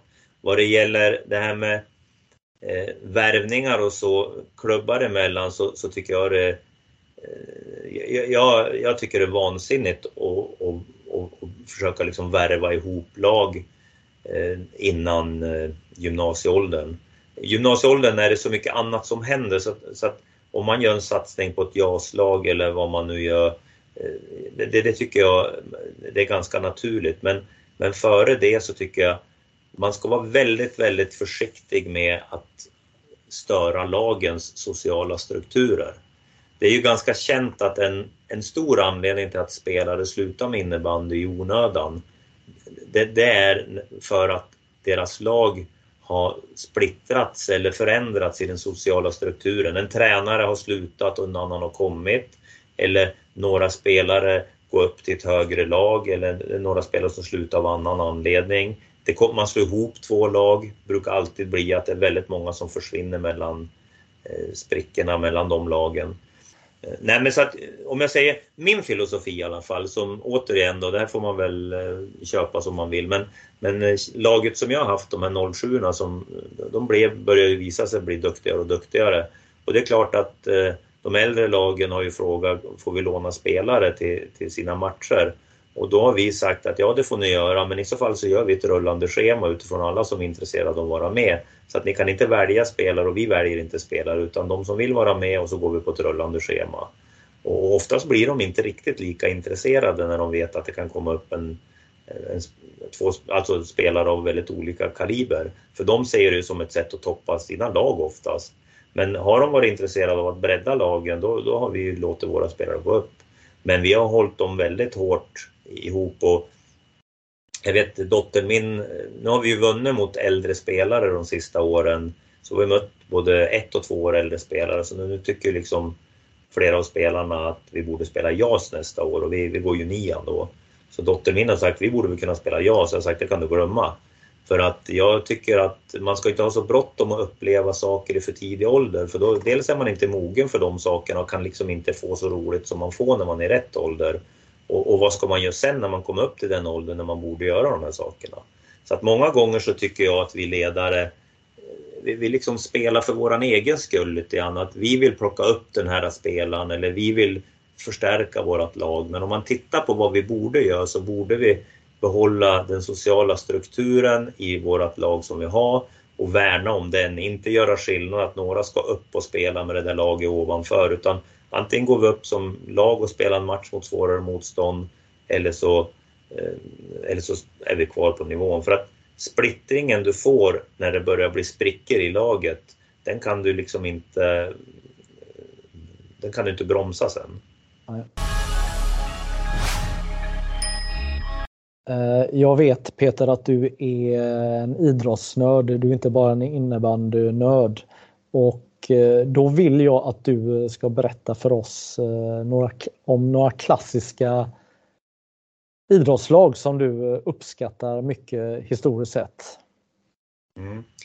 Och, och, då är jag en ganska lojal person så att jag, jag, jag fastnar liksom på något lag och, och någon sport. Och så, så, så när jag gick i, i skolan, grundskolan, så då var jag färgad av att eh, både min pappa och hans bröder har spelat hockey i Modo, men framförallt Djurgården. Och när jag växte upp så den yngsta farbrodern då, Leif Svensson, då spelade han i Djurgården. Så att jag var ju, när jag bodde i Sundsvall så var vi tittade när de mötte Timrå och så vart han matchens lirare och tog upp, ut mig på isen och åkte runt med mig och jag fick komma in i omklädningsrummet. Så, så Djurgårdens ishockeylag har ju varit ett lag som som var mina stora idoler under ja, men en lång tid av uppväxten där. Och eh, jag, jag fick ju kriga mycket med dem som var Färjestads anhängare och, och det, det, det, tycker jag var väldigt roligt. Och på den tiden tyckte jag att, eh, att eh, hockeylagen hade en väldigt tydlig identitet och spelarna, man kommer ihåg vilka spelare som spelade med vilka lag. Däremot så kan jag lätt säga att jag har tappat hockeyn totalt nu. Jag följer Modo sådär såklart lite grann och så, men jag är otroligt ointresserad av hockeyn, både som idrott och hur, hur klubbarna får lov att jobba. Eh, så, så, så intresset för Djurgården, ja men går det bra för dem så, så ler jag lite grann, men jag följer dem inte någonting nu. Utan långt tillbaka så, så har det varit Manchester United.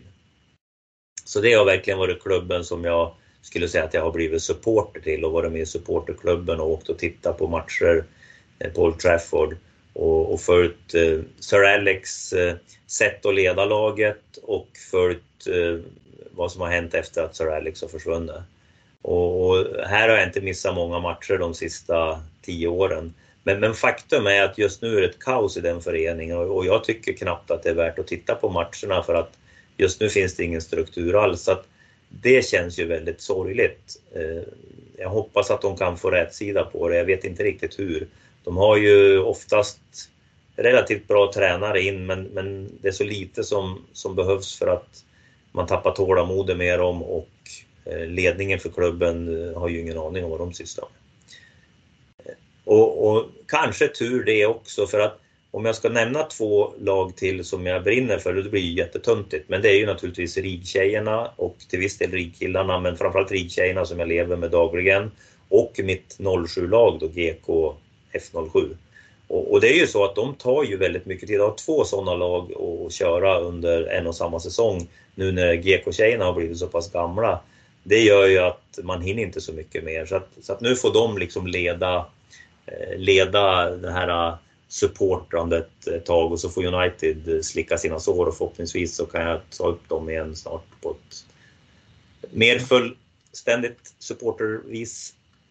Nej men eh, när man älskar idrott så är ju skadeglädjen är ju också en, eh, en glädje för många och, och eh, United har ju haft sina år och, och har haft sina medgångssupportrar också som har eh, trillat in så att det är väl klart att det är spännande att följa Manchester United nu eftersom fansen kräver ganska mycket och eh, fansen vet ju om nu att, att det går inte att kräva så mycket. Nu är det någon form av överlevnad. Eh, det kanske inte ens handlar om att eh, nå Champions League här utan nu eh, kanske det handlar om att eh, få ordning på allt här. Eh, jättekul. Eftersom du har följt också innebandyns resa från början. Du har ju själv gjort sex landskamper i A-landslaget och du var ju med på första EMet, det som sedan blev VM. 94 var det va? som du var med i. Eh, och det var väl i Finland, eh, tänker jag, där Jan-Inge Forsberg var förbundskapten. Så därför tänker jag att du ska få berätta för oss vilka landslagsmoment eh, i historien du tycker sticker ut. Alltså bra insatser av ett Eh, svenskt landslag och det kan ju egentligen vara vilket landslag som helst. Eh, eller hur har du tänkt om du plockar ut eh, landslags situationer som har varit bra, tycker du? Mm. Ja, jag vet inte om jag, om jag ska säga att de har varit bra, men, men det finns några och, och, det blir väl någon slags personlig ton på dem då, men, men den, den så, jag vet inte vilken ordning jag tar dem i, men, men om jag säger det första som, som dyker upp, det blir väl i kronologisk ordning, det är ju då eh, från det EMet som jag kom, jag kom ju med som reserv dit eh, och eh, började på, på läktaren, fick spela finalen men, men eh, i princip så, så var jag liksom utfyllnad kan man säga. Men eh, första matchen i gruppspelet eh, någonsin då för Sverige, det var ju en bortamatch mot Finland Eh, i ett internationellt mästerskap.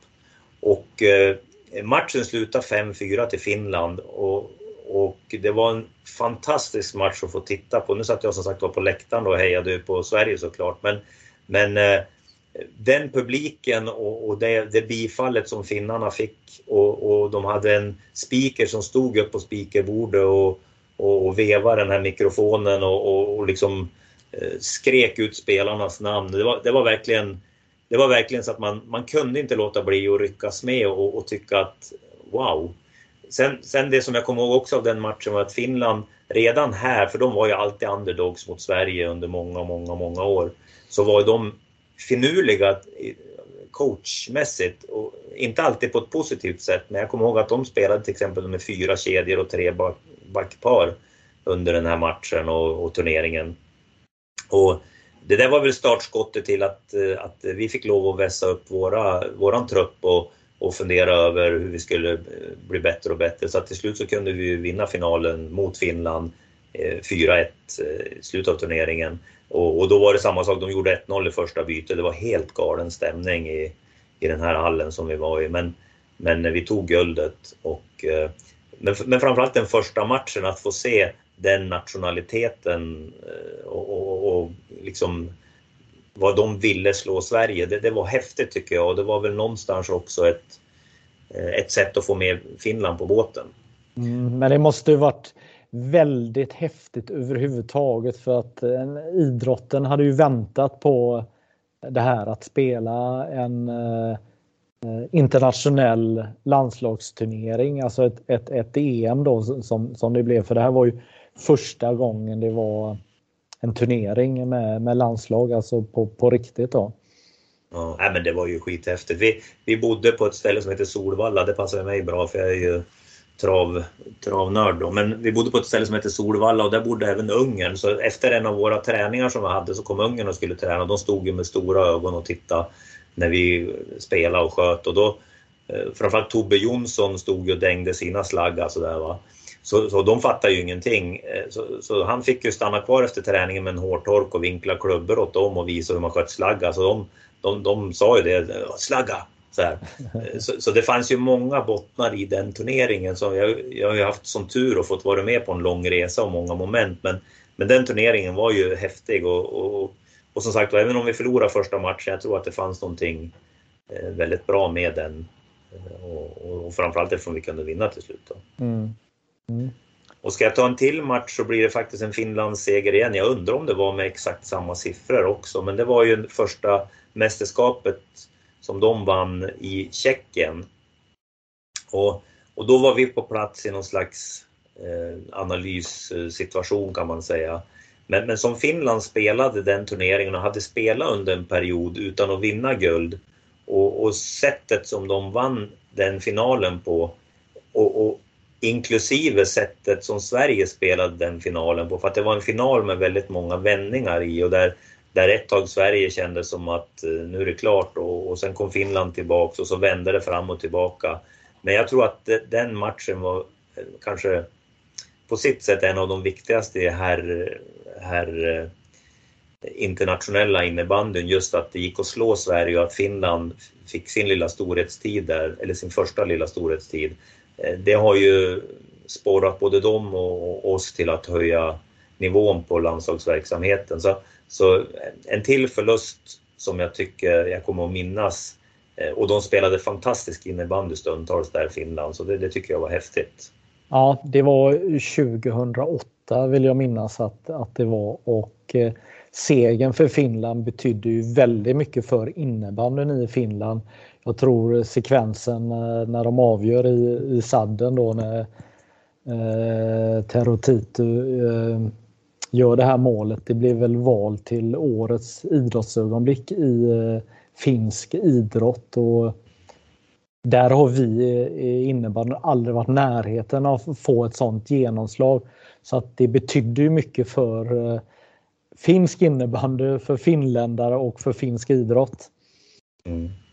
Nej, men eh, det, det, var, det var, tycker jag, mäktigt. Eh, eh, och, och, många matcher mellan Sverige och Finland efter det har ju varit just mäktiga. Men eh, jag ska väl jag, jag kommer väl på slutet till, vi ska väl ha revansch på Finland också. Men, men mm. ett tredje moment som, och det är bara som innebandyälskare, det är ju då alltså dam-VM, inte senast utan turneringen innan, ja är det 2019 eller vad det är, i Schweiz.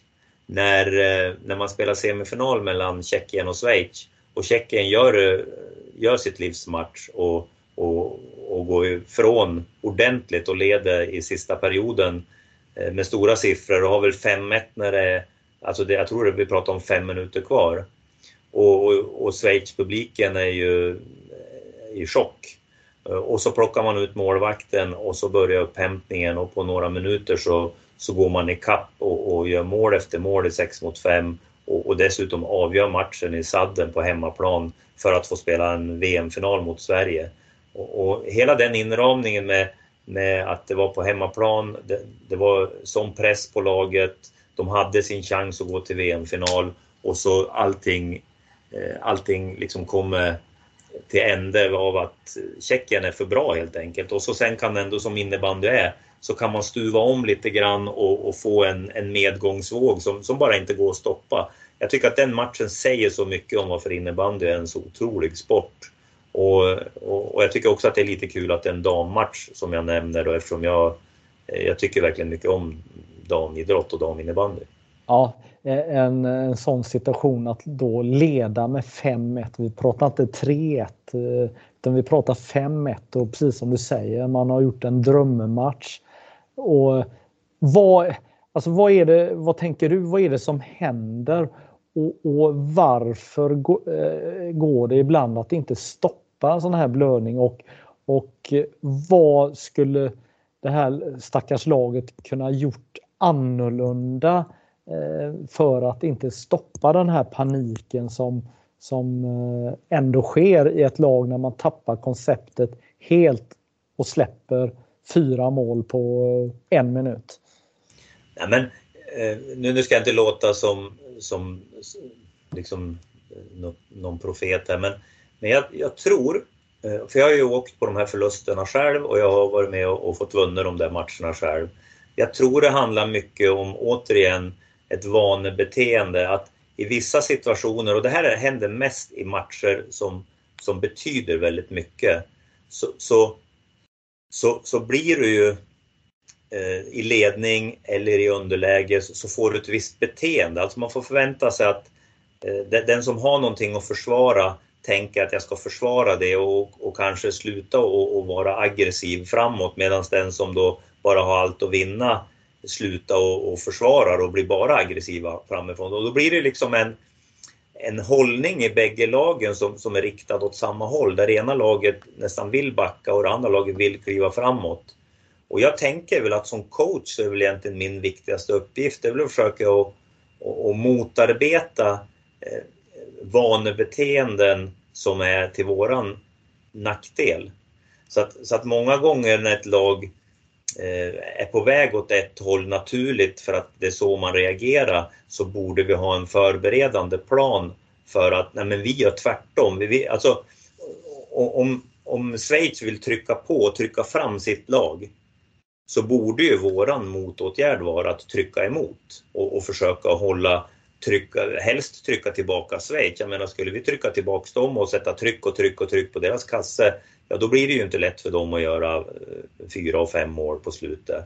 Men, men det naturliga är ju naturligtvis att man vill hjälpa målvakten och forwards vill hjälpa backarna och sen får Schweiz liksom komma i våg efter våg efter våg.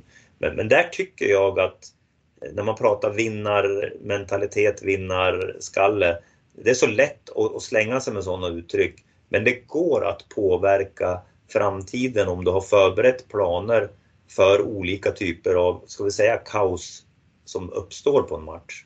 Ja, men Lika, på, ja. Ja, på något sätt är det ju så att, att, att man får känslan att eh, i en sån situation att alla sitter i samma båt och vad jag mm. menar med det, det är på något sätt att alla är i samma eh, sinnessituation. Eh, jag leker med tanken att, att det är någon som sitter på läktaren som går ner och befinner sig mentalt på ett annat sätt och kan på något sätt styra om eh, resan för att det är så lätt att alla, alla får panik och så ska man på något sätt ändå visa att man inte får panik. Alltså det är svårt att tänka klart. Det är naturligt, precis som du säger, att man vill skydda målet. Man, man tar felbeslut på felbeslut och eh, eh, så att jag vet inte. Eh, Eh, jag tror att du tänker fel. Eh, jag tror inte att du kan ta ner någon från läktaren. Jag, jag, jag Nej, jag bara, jag bara försöker. Ja, jag Men jag tänker så här. Om det börjar brinna på en skola ja. och, och, det blir oj, det brinner och brandlarmet går.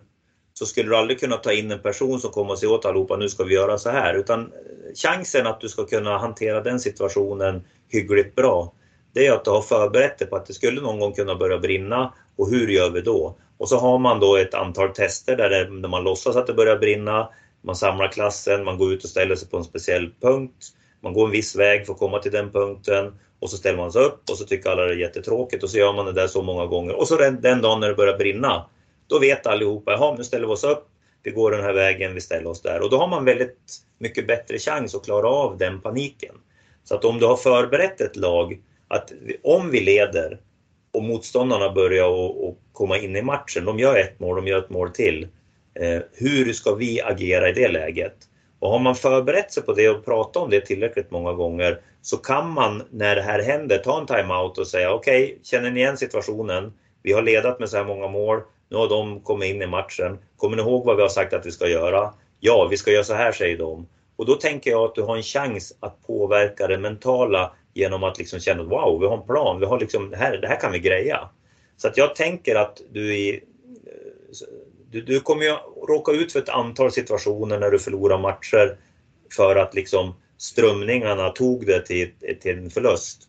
Men, men de kan du ju lära dig av och skapa planer så att du slipper göra det för många gånger under din ledarkarriär. Tänker jag. Ja, men jag, jag tänker ju i den här typen av situationer så räcker det inte att ha en stark ledare som, har, eh, som är mentalt förberedd utan du kanske måste ha en, två spelare på plan som verkligen, verkligen förstår vad som kan eh, eller vad som krävs nu. Att, att man på något sätt är nollställd. Har man fått 2-5 och kanske 3-5 i, i baken och, och att en solklar ledning helt plötsligt inte är solklar längre men ändå behålla fokus vad man exakt måste göra för att eh, eh för, ja, eller, eller hur, eh, hur tänker du? Jag tänker att det är gruppen som, som att det blir ett mentalt, en mental eh, en gruppmentalitet som, som drabbas sådana här gånger. Det är därför det är så svårt att vända på det. Så jag tror visst, du kommer behöva nyckelpersoner, precis som du säger, som kan, som kan liksom tala om följ mig. Precis som när det börjar brinna så måste jag ha någon som säger ja, men följ mig, jag går först. Men, men eh, om du har tre, fyra stycken i den där branden som, som inte alls vet vart man ska och, och har någon slags panik fortfarande så kommer det fortfarande att kunna bli eh, ett dåligt utfall. Och samma sak med laget, att du måste ha ett lag där, där de flesta känner sig trygg med att ja, just det, så här ska vi göra. Och sen att det finns några som kan ta kommandot. Men, men alla måste liksom vara beredda att, att nu, nu, nu, nu är det det här beteendet som, som, som, ska, eh, som vi ska jobba för. Eh, och eh, om jag ska ta då, två sista minnesvärda landslagsögonblick för mig och då blir det lite mer personligt och då är det ju så att jag har ju varit med i någonting som kallas för sportgruppen för landslagen under ett par år. Då vi har haft som mål bild att vi ska försöka slå Finland i Finland med herrlandslaget och då även få med de andra landslagen på båten här och, och, vi har jobbat eh, lite grann bakom kulisserna med eh, lite strategier och så vidare. Så att få sitta med då ena helgen och eh, sitta i, på IFU Arena och se Sverige på damsidan briljera genom turneringen och, och spela otrolig innebandy och, och, få ett väldigt gensvar, framförallt i, de, i slutspelsmatcherna och publiken. Det var ju magiskt. Sen är det ju ändå roligt internationellt att även fast Sverige hade ett fantastiskt landslag och spelade väldigt bra innebandy så är det ju helt plötsligt så är ju Finland där och, och, och liksom det är riktig match av det i alla fall. Så återigen, innebandyn är en grym sport men, men den segern den eh, var ju eh, en manifestation tycker jag av svensk innebandy på damsidan. Och sen veckan efter då fick jag åka ner då till, eller till Finland och titta när Sverige faktiskt vann den där turneringen. Fast vi hade oddsen emot oss egentligen hela resan eh, så, så lyckas Niklas och Brolle få, få ihop det när det som mest gällde. Och jag skulle säga att jag var inte ett dugg imponerad av hur Sverige spelade innebandy den där turneringen. Tvärtom så tyckte jag inte alls att jag så, kände igen det vi eh, liksom hade dragit upp för några år sedan där förrän vi kom till finalen. Och det var ju faktiskt så att Sverige hade ju, tycker jag då, lite tur som ens tog sig till final. Men väl där så tyckte jag det var en otroligt bra match. Så att om jag ska säga två sista ögonblick så är det ju finalerna senaste året, dam-VM och herr-VM och, och, att, att Sverige vann dem. Det var otroligt kul att vara med på resan. Sen ska jag säga, jag hade ju ingen del i gulden, inte så, utan mer bara att det var väldigt roligt att följa med på resan och, och se hur landslagen jobbar och, och att vi faktiskt liksom nådde någonting som vi kanske eh, trodde var tufft när vi startade. Så det, var, det skulle jag sammanfatta mina landslags fem ögonblick. Ja, äh, jättehärligt att höra och, och det, det som var magiskt med dina två sista exempel var ju också det att det var ju fest i eh, Sveriges Television under de här dagarna eftersom matcherna, de svenska dam och herrmatcherna sändes i, i, i Sveriges Television. Så att vi nådde ut till den här breda massan. Och sen också med facit i hand med tanke på pandemin som Eh, fanns då i, i systemet så var det ju helt eh, galet eh, vilken tur eh, de här två turneringarna hade att de faktiskt kunde genomföras. För det, det var ju verkligen att det stormade utanför eh, lokalerna kan man säga. Då. Ja, men jättekul!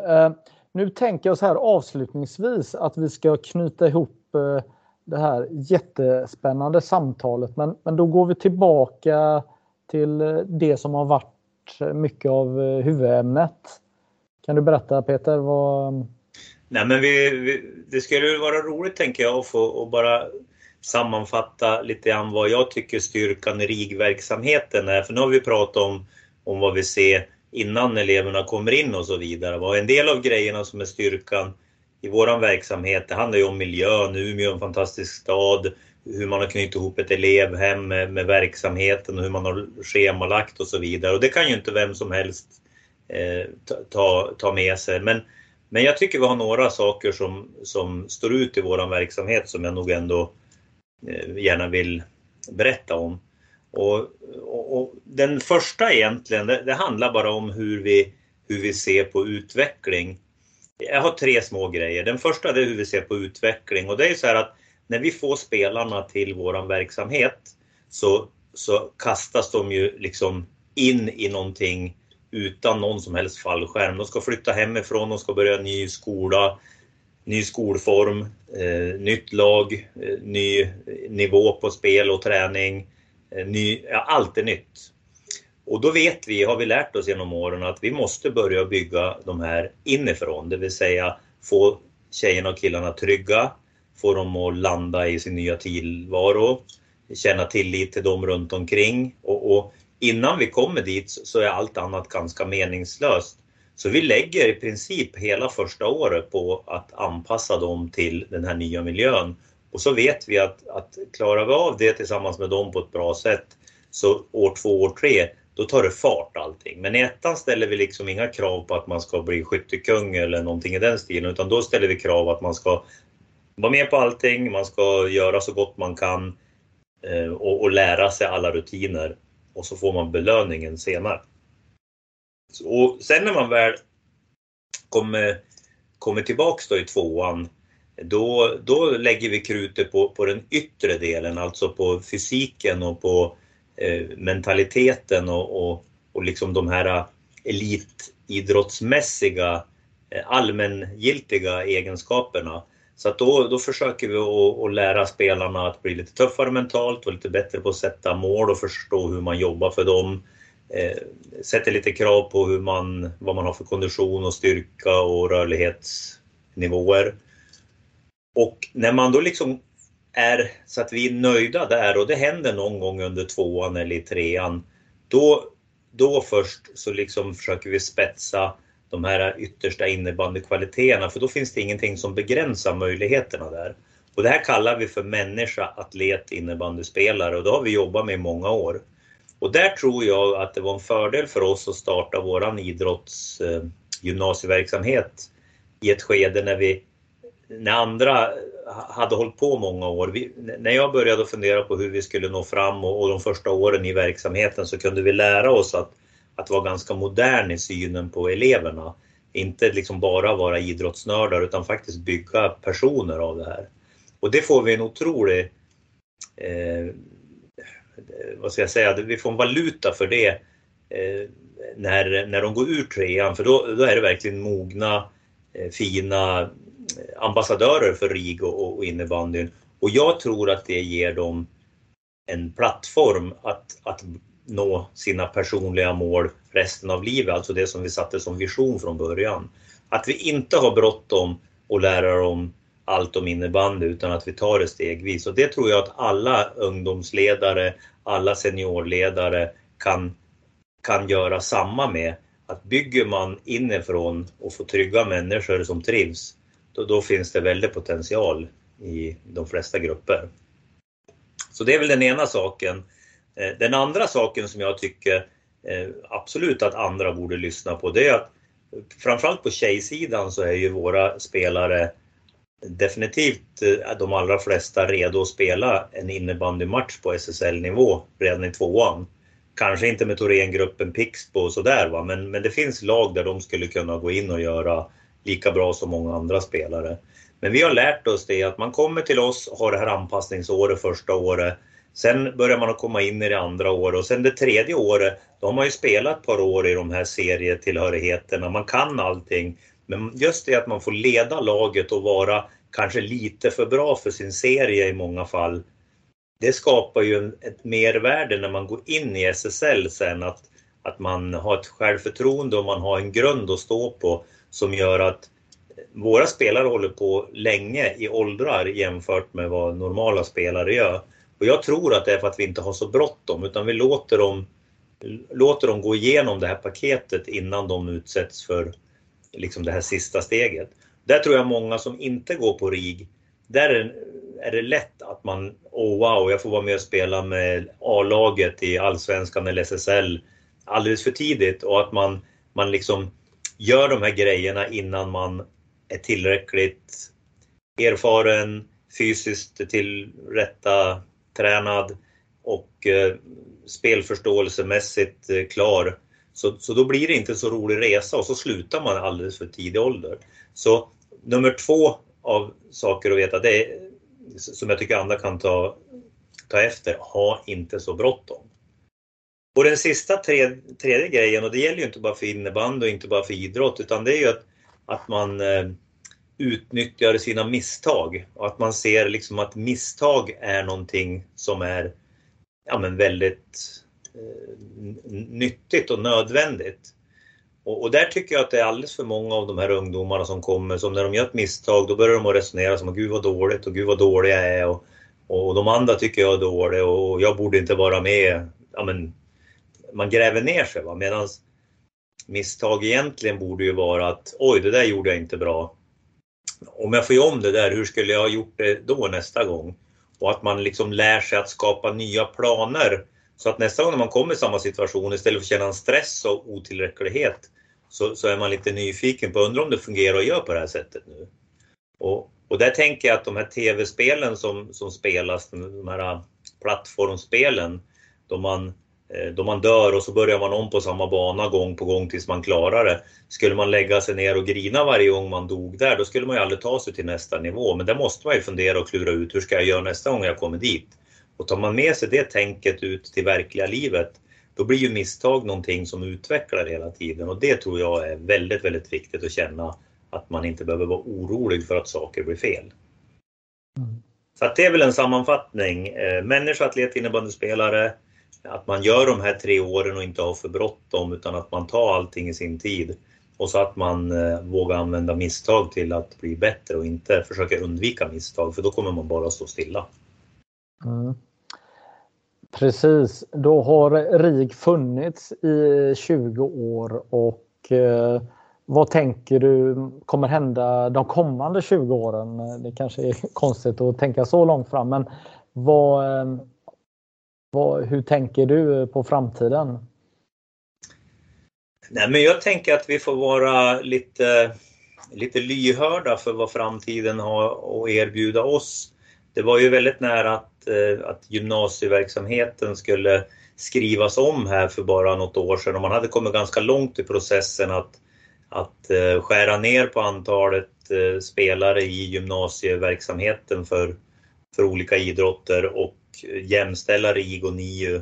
Och det är klart, blir det någonting åt det hållet då kommer ju vi att få förändra, förändrade förutsättningar och, och då kommer vi behöva använda våra kunskaper ja, men, till det som, eh, det som gäller då. Så, så jag tror eh, efter pandemin här så märkte jag att förra året var liksom ett år när man tänkte att nu kör vi och så, märkte, och så visade det sig att vi var liksom lite ringrostiga så det var ju mest bara att komma tillbaka. Nu, nu känner jag mig väldigt laddad för det här året. Vi har en massa roliga idéer hur vi ska spela innebandy och lite grann kring träningen och så som är lite nya. Men, men jag tror att just de här större förändringarna, de, de, de kommer inte att komma från oss, de kommer att komma från omgivningen och vad vi behöver, eh, behöver eh, anpassa verksamheten till. Så att eh, där, där tror jag det kommer att hända saker som, som vi inte ja, kan påverka utan bara följa med Dåligt svar, men, men eh, jag har inte något bättre just nu.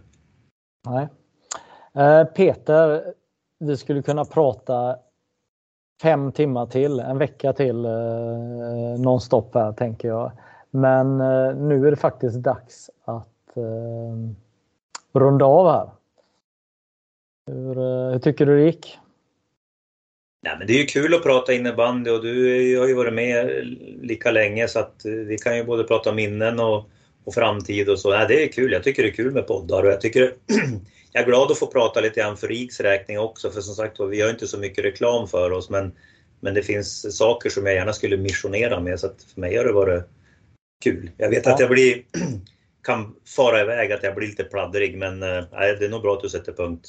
Ja men det är bra. Men vad sa vi nu, när är eh, ansöknings, eh, sista ansöknings, ansökningsdag för det här eller för nästa eh, gäng som ska söka. Ja, 07 ansökning öppnas nu i månadsskiftet augusti-september. Ja. Stänger första december.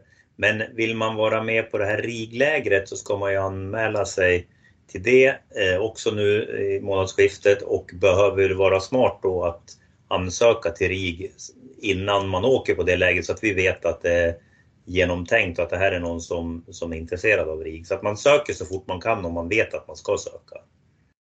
Mm. Bra, då har vi rätt ut det. Tack så mycket Peter. Tack själv.